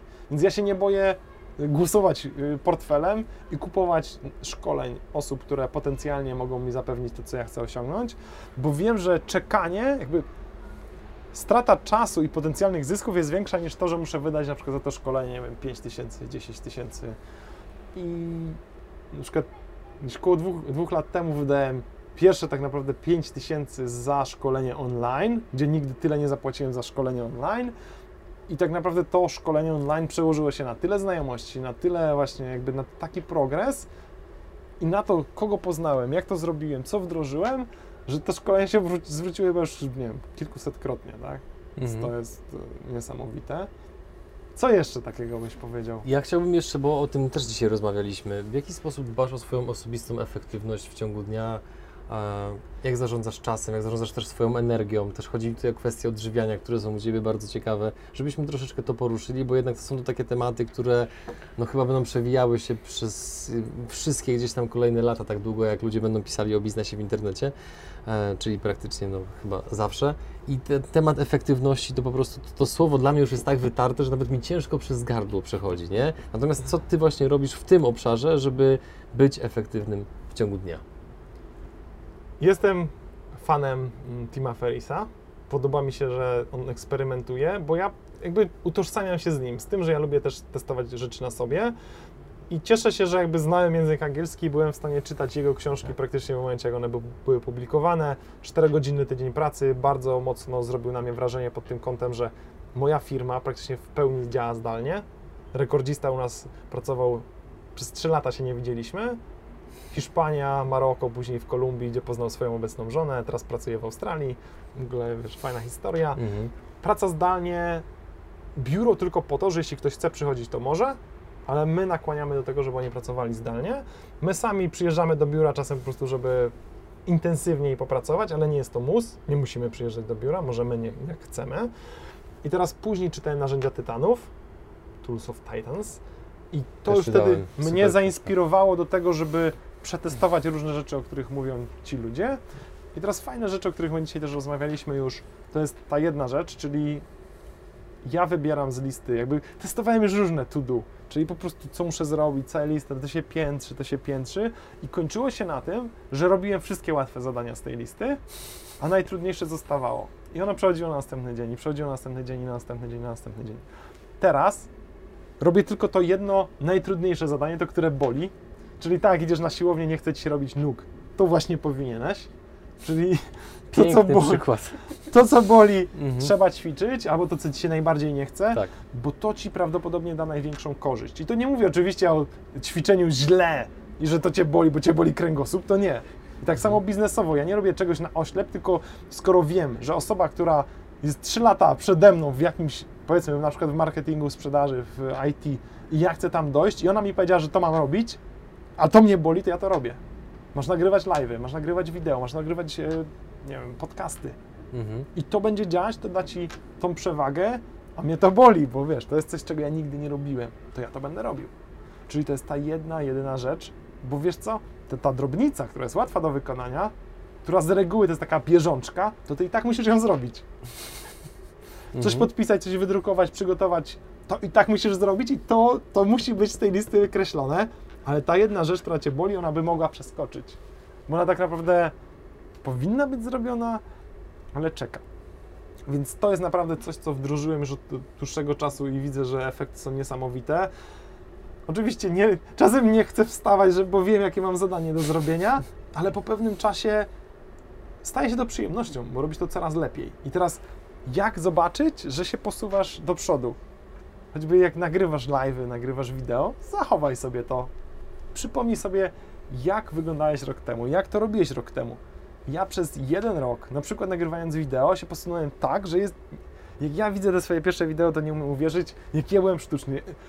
Witajcie, cześć, dzień dobry.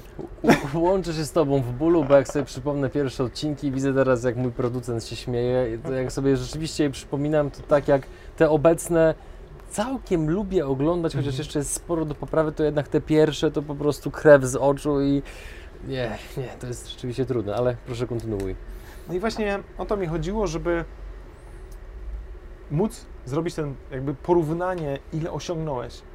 Wystąpienia publiczne. Jak ja oglądam nagry- nagrania wystąpień publicznych sprzed roku, gdzie ja uważałem, że już dobrze występuję, a tak jak występuję teraz, to jest po prostu tak niesamowita przepaść. Ciągle tam było całkiem przyzwoicie. Mhm. A teraz jest rewelacja.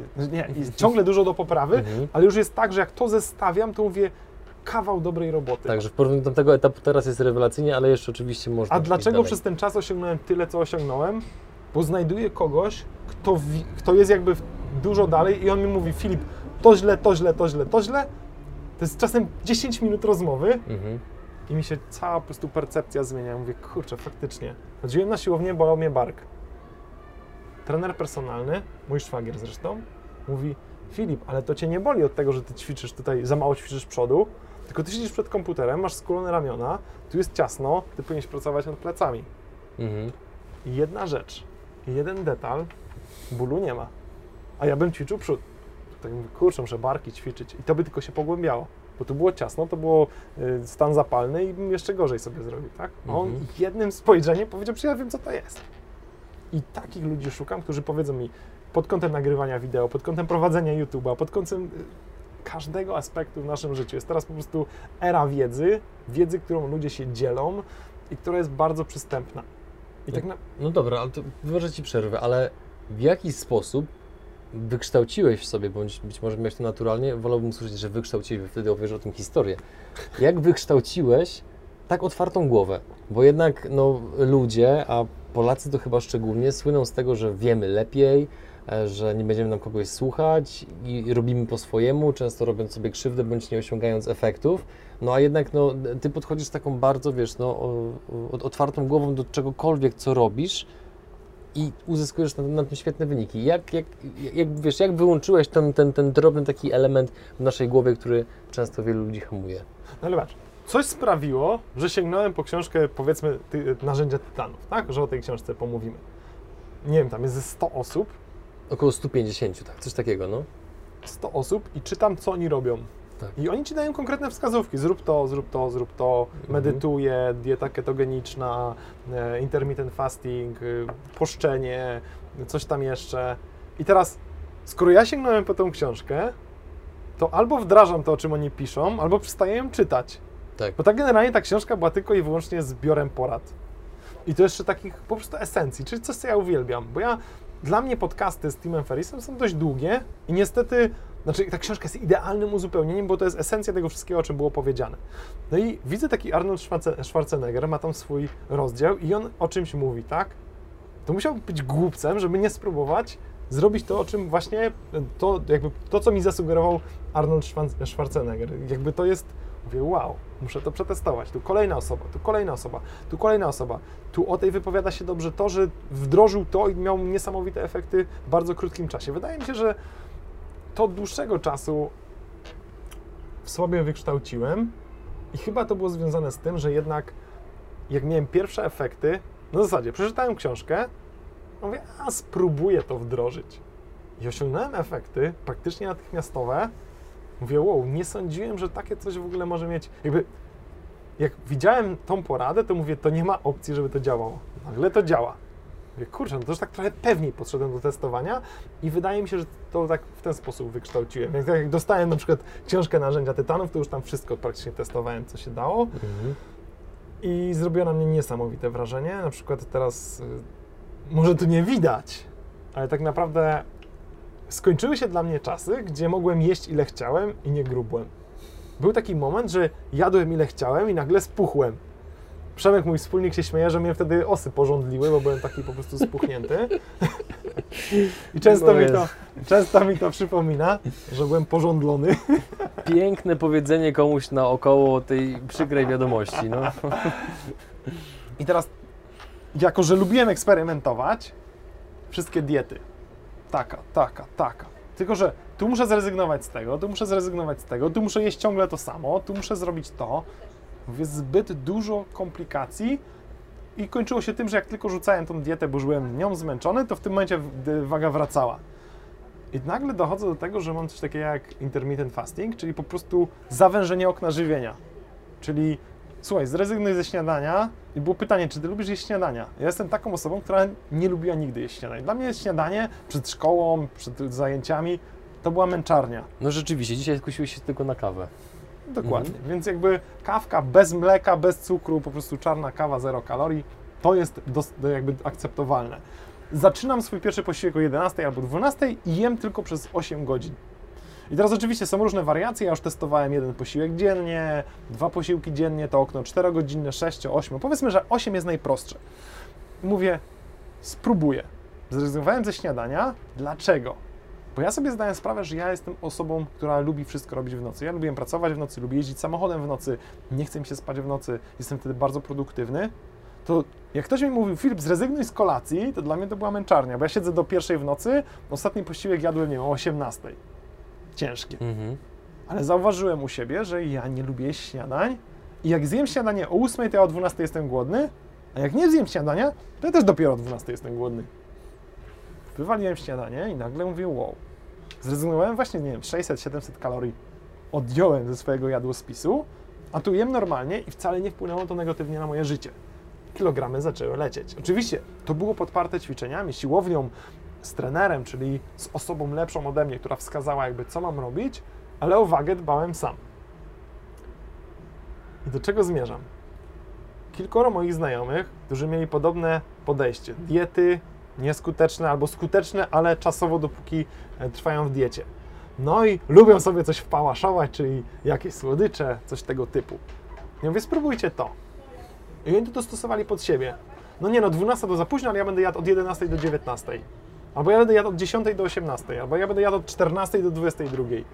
I wszystkie te osoby zrzuciły wagę i utrzymały tą wagę, bo nagle okazuje się, że to okno niejedzenia jest najprostszą rzeczą do utrzymania. To wiesz co, ja tutaj dodam swoje trzy grosze No i jednocześnie y, wyślę dobrą energię do mojego kolegi, który w tej chwili siedzi w Szkocji, a mianowicie Marek Skorupka. Gość udostępnia wszystkie nasze materiały, jest naprawdę takim no, jakby wiernym widzem przygód przedsiębiorców i niezwykle nam pomaga zdobywać nowe zasięgi i on również właśnie stosował to, co ty.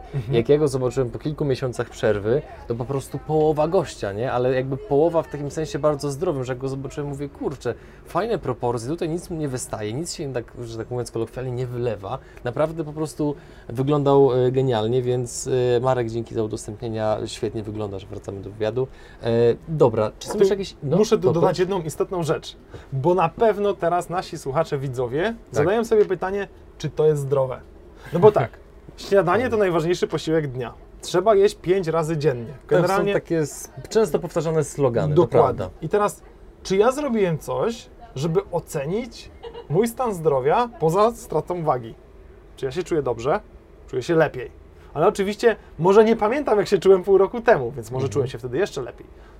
Badanie krwi, czyli coś, co generalnie też zaleca tam Tim Ferriss, czy tam jego em, goście. Badanie krwi w momencie, jak schudłem i utrzymuję tą wagę, to mam lepsze wyniki niż jak miałem wcześniej. Dużo lepsze? Nigdy nie miałem krytycznych wyników, Mhm. ale na przykład tak jak wcześniej miałem te mm, wyniki, że na skraju, na przykład, Tak. że był jakiś tam zakres akceptowalny, to ja byłem gdzieś tam na brzegach, to teraz jestem po, powiedzmy na przykład w środku. Czyli przynajmniej może może ja to źle oceniam, ale generalnie we wszystkim jestem idealnie według standardów. Mhm. Czuję się doskonale, czuję się lekko. Dzisiaj na siłowni bez jedzenia, na czczo. Ktoś mi powiedział kiedyś, nie można na czczo ćwiczyć. Ja mówię, a ćwiczyłeś kiedyś? No nie. I tak samo podchodzę do wiedzy, którą uzyskuję w biznesie. Czyli jeśli ktoś mi mówi, że to działa i on jest dużo dalej ode mnie, to dlaczego ja mam tego nie przetestować? Dlaczego ja mam nie wdrożyć tej wiedzy, która czasem ta jedna rzecz nagle zmienia Twój biznes no, niesamowicie. I na każdą taką rzecz liczę. W naszym wywiadzie było dość, generalnie dość dużo pracy i fajnie, no bo też w sumie o tym jest ten program. Natomiast zbliżając się powoli do końca, czy jest tym wszystkim miejsce na jakieś hobby, jakieś dodatkowe zainteresowania, cokolwiek, co nie kojarzy się tak aż stricte z pracą? To, co mnie motywowało, jakby, w, może inaczej, ja zawsze chciałem wyjeżdżać w ciepłe kraje. Czyli jeśli ja miałem możliwość już wiele lat temu pojechać na przykład z chłopakami na surfing do Maroka, to dla mnie to był rewelacyjnie spędzony czas, bo my wyjeżdżaliśmy lipiec, fu, listopad, grudzień. Doskonale. Czyli w momencie, jak w Polsce było zimno, jechaliśmy, było minus 10 w ogóle, czy minus 15, zaspy po prostu kilkumetrowe, my jechaliśmy sobie na surfing do Maroka. I to było niesamowite, że tam po prostu było 25 stopni, ciepła woda, fajnie spędzony czas. I ja już wtedy wiedziałem, że to jest coś, co mnie jednak kręci. I teraz, co można by zrobić, i faktycznie nieruchomości się w to wszystko wpisywały, gdzie sezon jest w wakacje, bo po co ja mam wyjeżdżać w wakacje wtedy, kiedy każdy wyjeżdża? Jak ja mogę w wakacje popracować, gdzie jest fajnie, ciepło w Polsce, bardzo przyjemna pogoda, lubię ciepło i wyjeżdżać wtedy, kiedy w Polsce jest zimno. I teraz tutaj też się to zaczyna tak, że mój znajomy z podstawówki po prostu kiedyś, nie było go dwa tygodnie w grudniu, on wrócił opalony w środku zimy. Wiesz, to było w latach, nie wiem, 90. dla nas był szok. Gdzie byłeś na Karaibach? Wszyscy. Ja już wtedy utożsamiłem, że dalekie podróże to jest coś super, ale nie dlatego, że tam było ciepło, tylko że go nie było w szkole. Okej, dobra. I to tak zostało ze mną, że dalekie podróże oznacza pewną wolność. Zaczęliśmy to realizować z moją żoną. Pierwszą naszą podróżą była Tajlandia, czyli taki teraz kierunek bardzo popularny. Wtedy jak jechaliśmy, to jeszcze jedyna część Tajlandii to był ewentualnie Bangkok albo Phuket, nic więcej. My tam pojechaliśmy, miałem tam znajomego, który w ogóle przeniósł się tam z Polski e, do Chiang Mai. Pojechaliśmy Chiang Mai, Bangkok i Krabi, czyli tam taka już popularna część e, Tajlandii. Nasz wyjazd był najprostszy jak się dało. Hotele bukowane przez Booking, lot samemu, wszystko na własną rękę, na miejscu skuter, jakieś środki transportu, transportu spotkanie z moim znajomym, wykorzystanie tego, że jesteśmy w miejscu, gdzie wtedy było przesadnie tanio. Po prostu było jak za darmo. Jedynym głównym kosztem był przelot. A później na miejscu czuliśmy się jak królowie. Super hotele, po prostu piękne miejsca. I wtedy zdaliśmy sobie sprawę, że ten czas spędzony był super, bo ja mogłem przez internet pracować, a jednocześnie korzystać z ciepła, czyli taki teraz popularny trend cyfrowi nomadzi. Tak? Więc my to wykorzystaliśmy do maksimum i poczuliśmy takie życie wolne na skuterku, ale jednocześnie w dobrym komforcie, czyli w hotelach. I zaczęliśmy to realizować, żeby tych podróży było więcej, a w związku z tym, że jeździliśmy w tak piękne miejsca, no to okej, okay, tu będą rekiny, tu będą manty, tu będą delfiny. Czemu by nie nauczyć się nurkować? Okej, okay, uczę się nurkować. Jesteśmy w Dubaju, czemu by nie skoczyć ze spadochronem nad palmą? Jesteśmy w Dubaju, czemu by nie pojeździć na nartach e, w zamkniętym tej, tej hali, tak? Czemu by nie sprawdzić tych wszystkich możliwości, które są na miejscu, z jedną małą uwagą?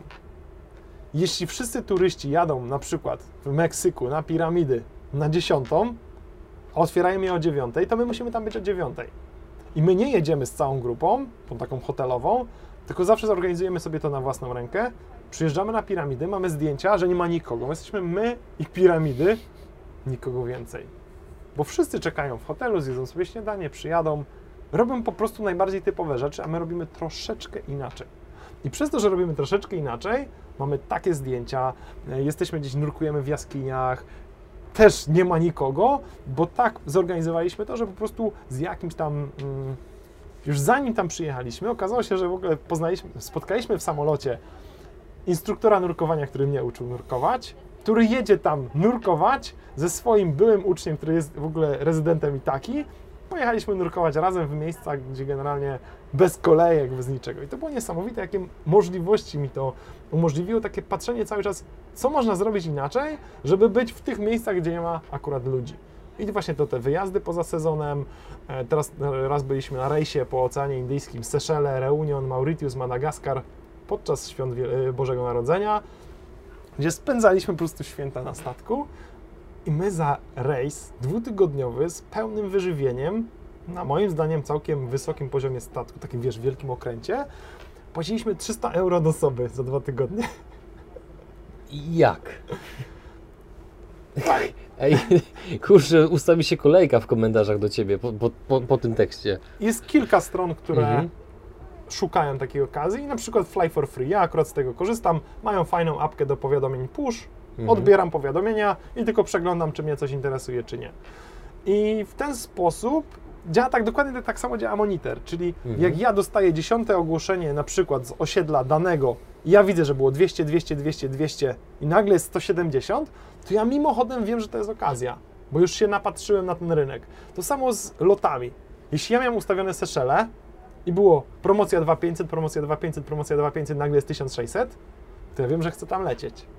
Bo w tym momencie nie dość, że normalnie promocyjnie było 2500, teraz jest 1600, sprawdzam, tylko, czy to są dobre linie lotnicze i wszystko inne organizujesz we własnym zakresie. Nocleg, transporty. Oczywiście nie mówię, żeby jechać w jakieś super hardkorowe kierunki, ale jest wiele kierunków, gdzie na blogach jest praktycznie wszystko opisane. To są tak egzotyczne kierunki, jak na przykład no, Seszele, Malediwy. My to robimy za ułamek ceny, praktycznie bez uszczerbku na komforcie. No bo jedynym uszczerbkiem jest to, że ja muszę sam sobie to zorganizować, czyli osobno kupić hotel, osobno transfer, osobno bilet, osobno dojechać jeszcze do Mhm. Warszawy na lotnisko. Koniec tematu. Więc zakochałem się w podróżach, od tamtego czasu realizujemy wizję, która gdzieś tam pilnuje ją moja żona, żebyśmy raczej nie jeździli w te same miejsca kilka razy. No ale wiesz, jak byliśmy na Malediwach trzy razy, na Seszelach trzy razy, to są tak piękne miejsca. Przelot kosztował 1300 zł w dwie strony. Na miejscu jest względnie tanio, bo też wiemy, jak to zrobić. Mamy już tam jakieś tam znajomości, więc tam jedziemy w cenie, jak na przykład trzy tygodnie na Seszelach, w domku nad oceanem, z prywatną plażą, kosztowało nas za trzy tygodnie tyle, co mój znajomy pojechał na Teneryfę na tydzień. Okej, dobra. I teraz, czy to znaczy, że ja jakoś przesadnie oszczędzam? No nie. Ja po prostu wykorzystuję to, że ja to robię powiedzmy, że poza sezonem i w momentach, kiedy chcę. Czyli nieruchomości i ogólnie własny biznes, który prowadzę też zdalnie, umożliwił mi to, że ja lecę wtedy, kiedy jest promocja, a nie wtedy, kiedy dostałem urlop. I to naprawdę obniża tak znacznie ceny. Oczywiście, jakbym latał z dziećmi, jeszcze ze znajomymi, musiał to wszystko idealnie zaplanować na konkretne terminy, to byłoby trudniej. Ale jeśli ja latam tak, że po prostu pojawia się lot i czasem decyzja to jest 15 minut, a dobra, mówię, kupmy, a później się będziemy zastanawiać. Hawaje, kupmy, będziemy się zastanawiać. Australia, kupmy, będziemy się zastanawiać. I zawsze da się to wszystko tak zorganizować, żeby było względnie tanio, względnie fajnie. Oczywiście są kierunki, Hawaje, właśnie Australia, które naprawdę trudno jest zrobić tanio, no ale możemy to zrobić na przykład o nie wiem, 10 tysięcy taniej od osoby, niż jakbyśmy pojechali na zorganizowany trip. Mhm. Także Super, su- super cenne informacje. Y, Naprawdę, kurczę, aż, aż po prostu mnie, mnie pozamiatało. Naprawdę, fajnie. E, idąc dalej i zbliżając się jednocześnie powoli do końca wywiadu. Jak się z Tobą rozmawia, a dzisiaj spędziliśmy ze sobą cały dzień i tutaj od razu też właśnie, jak to powiedziałeś, zrobię disclaimer e, i zjedliśmy razem śniadanie i potem sobie rozmawialiśmy przy kawie i byliśmy na wspólnym treningu z e, moim trenerem Maciejem Mieszkę, którego z tego miejsca pozdrawiam. E, Potem mm, już dotarliśmy do Sushi Garden. Poznałeś również innych ludzi w tym czasie, tak? Zjedliśmy sobie razem obiad, jest wywiad, jest ekstra. I teraz ja przez cały dzień takie buduję sobie wrażenie, że jesteś niezwykle poukładanym gościem, dojrzałym emocjonalnie, masz y, stabilny biznes, dobrze poukładane życie i w tym momencie interesuje mnie, jaki w tym wszystkim udział mieli Twoi rodzice. No bo takie rzeczy, tego typu podejście, zachowanie nie bierze się z powietrza. Rodzice, no jakby no bardzo często mają duży udział w, w naszym życiu, no zarówno e, pozytywny, jak i negatywny. Jak to było u Ciebie? I co oni takiego robili inaczej, że tak jak wspomniałeś już wcześniej, że y, co twój tata na przykład robił, co oni takiego robili inaczej, że byli w stanie wychować syna, który ma tak wysoki własny poziom motywacji, jeżeli chodzi o działanie? Oczywiście mówię tutaj jakby bazując na moich wspomnieniach, bo ja nie wiem, czy, czy te ich działania były zamierzone, Oczywiście. ale moja mama podchodziła do mnie, jakby umiała mnie zrozumieć. Czyli ja jestem taką, nie wiem czy ja to dobrze nazwę, kinestetykiem. Ja się uczę w ruchu przez ruch. I na przykład byliśmy, byłem mały, jeszcze przed szkołą, w ogóle nie chodziłem jeszcze do szkoły, i ona uczyła mnie liczyć. M- Tabliczka mnożenia, odejmowanie, dodawanie, Mhm. mnożenie, jakieś dzielenie. I ona wiedziała, że jak ja będę siedział na kocu, czy tam y, koło basenu i będę siedział, to ja się nic, nic nie nauczę. Ja biegałem wokół basenu, się bawiłem, ona chodziła za mną i mnie przepytywała. Ja w tym ruchu 8 razy 8, 64. Umiałem to jakby, dla mnie to było Mhm. naturalne. Jak ja poszedłem do szkoły i musiałem siedzieć w ławce, to dla mnie to była, wiesz, jak z nerwicą człowiek. Ja chciałem wstawać, chciałem się ruszać. Mhm. Ja byłem trudnym dzieckiem dla nauczycieli, którzy wszystkich, wiesz, no jakby taki jest zamysł, posadzić w ławce i niech siedzą. Tak. A ja się, wiesz, wyrywałem, chciałem zawsze odpowiadać, chciałem y, dzielić się tym, że, że się ruszam, że to była jedyna okazja, żeby się ruszyć. Chciałem wyjść na środek. Mm, To do tego stopnia, że jeden mój znajomy w ogóle był jeszcze bardziej tak ruchowy, że on sobie chodził po klasie. No, no, nauczyciele go nienawidzili. tak bym to skwitował. Mhm. Ja byłem taki, że po prostu musiałem gdzieś tam, czasem jakieś żarty na klasy rzucałem, wiesz, musiałem się udzielać i ten system mnie ograniczał. A spójrz, jak moja mama dawała mi swobodę działania. Kolejna rzecz, też śmieszna. Potrafiła tak podejść do, do mnie, na przykład do mojej siostry, że jak ona, powiedzmy, Filip wynieś śmieci, to ja mówiłem, nie, nie mam teraz czasu. Taki, wiesz, byłem taki... Mhm. I ona już nic nie mówiła, bo i tak wiedziała, że ja to wyniosę. Bo ja od razu byłem na nie, po chwili wynosiłem. A moja siostra mówiła, tak mamusiu, i nie wynosiła nigdy. Więc oni wymyślili taki sposób, żeby zmotywować ich porówno. Oczywiście to jest, widziałem, że gdzieś to jest krytykowane.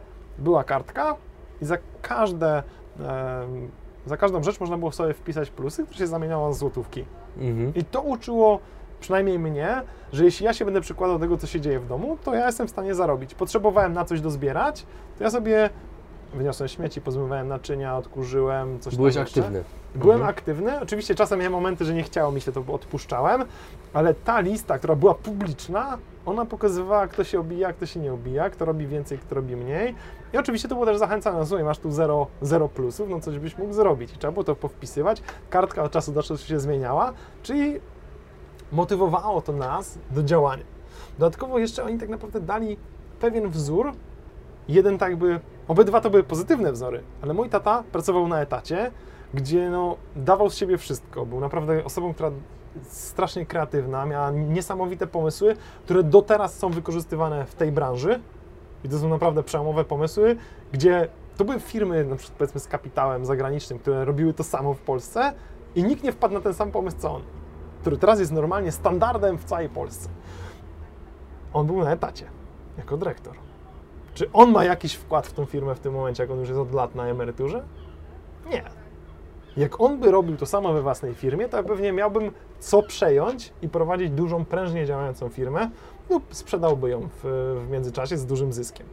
Znowu moja mama stwierdziła, że ona będzie się zajmowała ubezpieczeniami.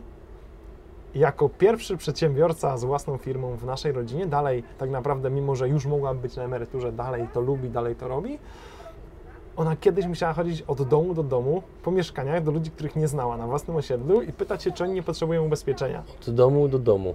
Od, Od- drzwi od- do drzwi, Od tak? mieszkania do mieszkania. No wyobraź sobie, że jak przyjmują ludzi, y, że ktoś przychodzi, wiesz, świadek Jehowy, no nie? Czy No. potrzebuje pan ubezpieczenia? No nie. Mhm. I ona musiała się nauczyć, jak im to dobrze sprzedać, dlaczego to jest ważne, dlaczego to jest istotne. I Mhm. ona tyle pracy w to włożyła, że ja wiedziałam, tylko że to miało efekty. Bo im dłużej ona pracowała, im więcej ona tych progów bólu pokonała, tym to wszystko lepiej działa, miała więcej klientów, powracających klientów, zadowolonych z obsługi. I powodowało to to, że ja widziałem, że w tej własnej działalności, we własnej firmie, w tej przedsiębiorczości jestem w stanie wykreować ten, tą swoją przyszłość. No bo nie oszukujmy się, dzieci najlepiej uczą się na przykładzie, Mhm. czyli nie to, że ja powiem nie pal papierosów, tylko ja nie palę. Jasne. Bo skoro dziecko widzi, że ja palę, a mówię nie pal, bo to jest niezdrowe, no to coś tu nie gra. I ja patrząc na nich przez ten pryzmat, że oni dali, dawali z siebie 100%, to pewnie jakby to było dużym wpływem. No druga sprawa, że wspierali mnie też w tym poniekąd w realizowaniu ich marzeń, tak? Mój tata zawsze chciał studiować za granicą, co mi umożliwił. Ale to też było spójne ze mną. Być może podsuwał takie tematy. Ja może nawet o tym nie wiem. Może gdzieś podprogowo, że fajnie byłoby tutaj za granicą studiować, Mhm. tak? I że może ja Mhm. to podchwyciłem nieświadomie i później wydawało mi się, że to jest mój pomysł. Kto wie? Mhm. Nie wiem, nie pamiętam. No dobra, to ja jeszcze to i tak trochę podrążę, bo znam masę przykładów rodziców, którzy, tak jak powiedziałeś, w, przypadku Twoich dają z siebie 100%, y, angażują się w firmę bądź w swoją pracę, natomiast no, z jakichś powodów jednak ten ich ta ich córka bądź syn no nie dziedziczą takich cech związa- związanych z pracowitością, z e, odpornością na jakieś powiedzmy trudniejsze momenty, niepowodzenia, bo no, często jest tak, że po prostu rodzice rozpieszczają swoje dziecko, tak? Chcą mu dać jak najwięcej, bo powiedzmy sami nie mieli i mają dobre intencje, no ale jednak nieświadomie robią mu krzywdę, więc jak, czy w, co w tym obszarze twoi rodzice robili inaczej, że jednak, no mówiąc wprost, nie zepsuli cię? Pomimo, że mieli możliwości, no bo jakby dysponowali środkami takimi, że rzeczywiście mogłeś, zakładam, mieć więcej niż wynosiła po prostu jakaś tam średnia. Poza tym zbieraniem tych plusów za te dodatkowe czynności, na czym mogłem zarabiać, ja miałem jasno powiedziane, że u nas nie ma kieszonkowego. Czyli nie masz stałej wypłaty, która należy się, czy leżysz, czy pachniesz, czy, czy w ogóle pracujesz. Więc to te plusy zamieniły kieszonkowe. Dla mnie to było dobre, bo to nie dostawałem żadnego socjalu, tak? który mnie motywował do tego, że jeśli ja w prezencie dostałem pieniądze i ja mam w celu od, zebrać pieniądze na jakiś szczytny cel, większy, to ja muszę sobie odkładać i odkładam po pierwsze z mojej pracy, tej drobnej, a po drugie z tego, co dostaję. Ja to wszystko zbierałem i gromadziłem, gromadziłem, gromadziłem i wiedziałem, że sam sobie muszę na to zapracować. Bo jeśli ja bym był wychowany na kieszonkowym, znam takie osoby, które były i w sumie nie wiem jakim, się- nie pamiętam, jakby nie pamiętam kto miał kieszonkowe, kto nie miał, Jasne. kto musiał na to zapracować, kto w ogóle nie miał w ogóle żadnych Mhm. y, bonusów. Ja uważam, że to na mnie bardzo mocno wpłynęło, bo dla mnie te pieniądze, które dostawałem, to tylko były od święta, jako jakieś tam Mhm. urodziny, święta, a jeśli chodzi o to, na co musiałem zapracować, to nie miałem nic gwarantowanego. Przez co Mhm. długofalowo ja byłem nauczony tego, że ja mam pracować, żeby zarabiać, a nie leżeć i otrzymywać kasę. Okej. Także myślę, że to było to. Wiesz, ja też tylko gdybam, Aha. bo to nie jestem rodzicem, który wychował Oczywiście. udane dziecko, tylko to bardziej byłoby to pytanie do moich rodziców, ale jak tak sobie przypominam i wydaje mi się, to byłoby to. To możemy zrobić tak, że ten wywiad, kiedy już się okaże, pokażesz rodzicom i oni zrobią taki swój disclaimer w komentarzu. Czy, czy, czy potwierdzają Twoje słowa? A ja mam pytanie jeszcze po skryptu. Filip, ale żeś się wygupił. Spoko, to opublikujemy, nie? E, pytanie po skryptum. Czy miewasz gorsze momenty, jeżeli chodzi o nastrój, o nastawienie? E, depresja to jest za mocne słowo, ale taka powiedzmy handra, albo że Ci się nie chce, że to jest, powiedzmy trwa trochę, trochę dłużej. Co wtedy? Jeżeli, czy są takie dni? Czy no zakładam, że są, no bo jeżeli nawet Schwarzenegger je miał, no to zakładam, że Ty też je prawdopodobnie czasami masz. E, jeżeli je masz, co wtedy robisz? Jak sobie radzisz z takim stanem emocjonalnym? Piękne w tym wszystkim, co robię, poza podróżami, jest to, że jeśli mam słabszy dzień, to po prostu nie pracuję. I teraz wdrożyłem taką serię jak Wolne Środy, ale nie na zasadzie, że ja w tą środę muszę intensywnie, intensywnie wypoczywać, czyli muszę wymyślać, co ja będę robił. Traktuję to jako sobotę. Jeśli dzisiaj chcę porobić coś fajnego, to to robię. Chcę iść do kina, idę do kina, chcę coś obejrzeć, to robię. Czytam książkę, mam na siebie czas. Oczywiście, jeśli chcę trochę popracować, dla mnie jest ok. Tak? Jakiś webinar, jakiegoś live'a zrobić, spoko. Ale nie przymuszam się wybitnie, bo ja i tak wiem, że ja, jak będzie potrzeba i będę miał w niedzielę wenę, to ja będę coś pisał na bloga, coś tworzył, więc dla mnie ten tydzień stracił, bo jakby po co ja miałbym się jako przedsiębiorca czyta, y, trzymać poniedziałek, piątek pracuję, sobota, niedziela odpoczywam. Dlaczego nie zrobić takiego modelu, że odpoczywam kiedy chcę, pracuję kiedy chcę? Mhm. To jest śmieszne w ogóle, śmieszna rzecz. Mój znajomy który właśnie miał konkretną dużą firmę, dużo więcej nieruchomości ma ode mnie, mówi, że wpadł w taką rutynę, że on w niedzielę się zastanawiał, kurde, jak mi się nie chce iść w poniedziałek do pracy. Wyobrażasz to sobie? On, który nie miał, znaczy miał jakieś tam zadania na poniedziałek, ale on tak się wkręcił w ten rytm zwykłej pracy etat- etatowej, że mówi, ja nie, ja nie chcę iść w poniedziałek do pracy. Ja mówię, nie chcę w ogóle takiej sytuacji. Ja albo się cieszę, że będzie ten poniedziałek, albo nie pracuję w poniedziałek, bo ja te 10 lat ostatnich tak tworzyłem, żebym miał sobie na to pozwolić. Że ja miałem konkretny cel.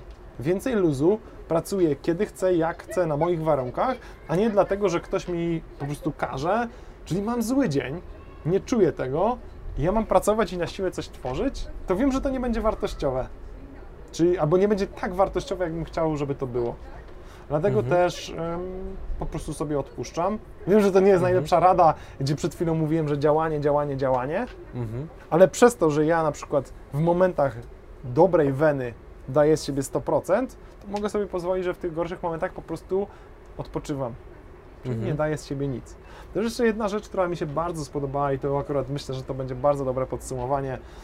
Zmieniła moje życie mocno, aż bym powiedział, że bardzo mocno, ale wewnętrznie. Taki dała mi spokój. To chyba Tony Robbins pisał właśnie w Narzędziach Tytanów, że żeby życzyć dobrze innym ludziom, ale nie to, że ja ci życzę dobrze, tylko w myślach. Na tej zasadzie, że e, właśnie z Piotrem Budzkim miałeś wywiad i tam wspominał o tym, że jak my jedziemy samochodem, to my jesteśmy, wszystko robimy dobrze, jak ktoś inny nam zajedzie drogę, to generalnie on robi to źle. I ja potrafiłem się na takie rzeczy denerwować. Mówię, że jestem wybuchowy, wszystko chcę na już, dla, dlatego też mnie to strasznie denerwowało. I Tony Robbins powiedział, jak taka sytuacja się wydarzy, to pomyśl sobie dobrze o tej osobie, że może po prostu tak zrobiła to przypadkowo, niechcący, nie chciała. Życz jej dobrze. Albo życz, jesteś w pracy, życz ludziom, których w ogóle nie wiedzą, że im życzysz dobrze, tak? Życzę operatorowi kamery, tym paniom, które siedzą tam dalej i sobie gadają. Życzę im dobrze, niech im się dobrze wiedzie w życiu. I co to daje? Jest takie no po prostu aż śmieszne i głupie, ale ja się przez to uspokajam, relaksuję, jestem bardziej szczęśliwy, bardziej pozytywny i tak naprawdę sensownie to wdrażam od, nie wiem, 3-4 miesięcy i naprawdę jadąc samochodem, oczywiście ciągle łapię się na tym, że zajebał mi... y, To zaje, wytniemy. łapię się na tym, że zajechał mi debil drogę, Tak. a po chwili mówię, przecież ja miałem mu życzyć dobrze. I w tym momencie Mhm. się uspokajam i takich sytuacji jest coraz mniej. Coraz mniej daję tym obcym ludziom, którzy nawet nie wiedzą, że oni mnie wkurzyli, wpływu na mnie. Po prostu sam się relaksuję. Na sam koniec chciałem Cię zapytać właśnie, z jaką myślą nas zostawisz, ale zostawiłeś nas doskonałą myślą. Filip, dziękuję Ci za te chyba już ponad dwie godziny e, niezwykle ciekawej, interesującej rozmowy, za ten cały dzień. Życzę Ci wszystkiego dobrego, wszystkim Twoim projektom. Proszę pozdrów swoją żonę, którą miałem e, przyjemność poznać i jeszcze dzięki za cały wspólny dzień. Tak jak wspomnieliśmy wcześniej, mam nadzieję, że te wspólne dni z przyszłymi przedsiębiorcami będą prowadzone właśnie w formie vloga, czyli żebyśmy, żeby nasi widzowie mogli też zobaczyć, jak to wygląda od kuchni, bo takie dni, jak dzisiaj spędziliśmy razem, to są właśnie te dni, dlaczego ja pracowałem przez te 10 lat, żebym mógł przyjechać do takiej osoby jak ty, żebyśmy spędzili razem fajny dzień, pogadali o biznesie, pogadali o życiu, zjedli razem śniadanie, którego ja nie jadłem, tylko piłem kawę, Później spędzili e, godzinę u Ciebie w firmie, później pojechali na siłownię, później pojechali tutaj, posiedzieli, poznali nowe osoby. Dla mnie to był taki dzień, który po prostu jest idealny. I tutaj kolejna rzecz, o której pisze Tim Ferris, że jeden z gości, w zasadzie to gość napisał, że po to kupił domek e, gdzieś tam mm, w górach, w lesie z jacuzzi, żeby zapraszać ludzi i spędzać z nimi weekend i poznawać im tych fajnych przedsiębiorców, takimi, jaki oni, jak, jacy oni są w wolnym czasie, bo to jest to, że wtedy poznajemy tych ludzi głębiej i naprawdę cieszę się przede wszystkim, że zaprosiłeś mnie na ten wywiad, a po drugie, że mogliśmy tutaj spędzić ten dzień, bo ja też Ciebie poznałem lepiej i wiem, że nasi widzowie dzięki Twoim wywiadom z innymi przedsiębiorcami potrafią poznać ich bardziej i tak jakby dogłębniej i zrozumieć ich zasady działania, co naprawdę przekłada się na osiąganie sukcesów w przyszłości, więc super. Super, bardzo Ci dziękuję. Dzięki.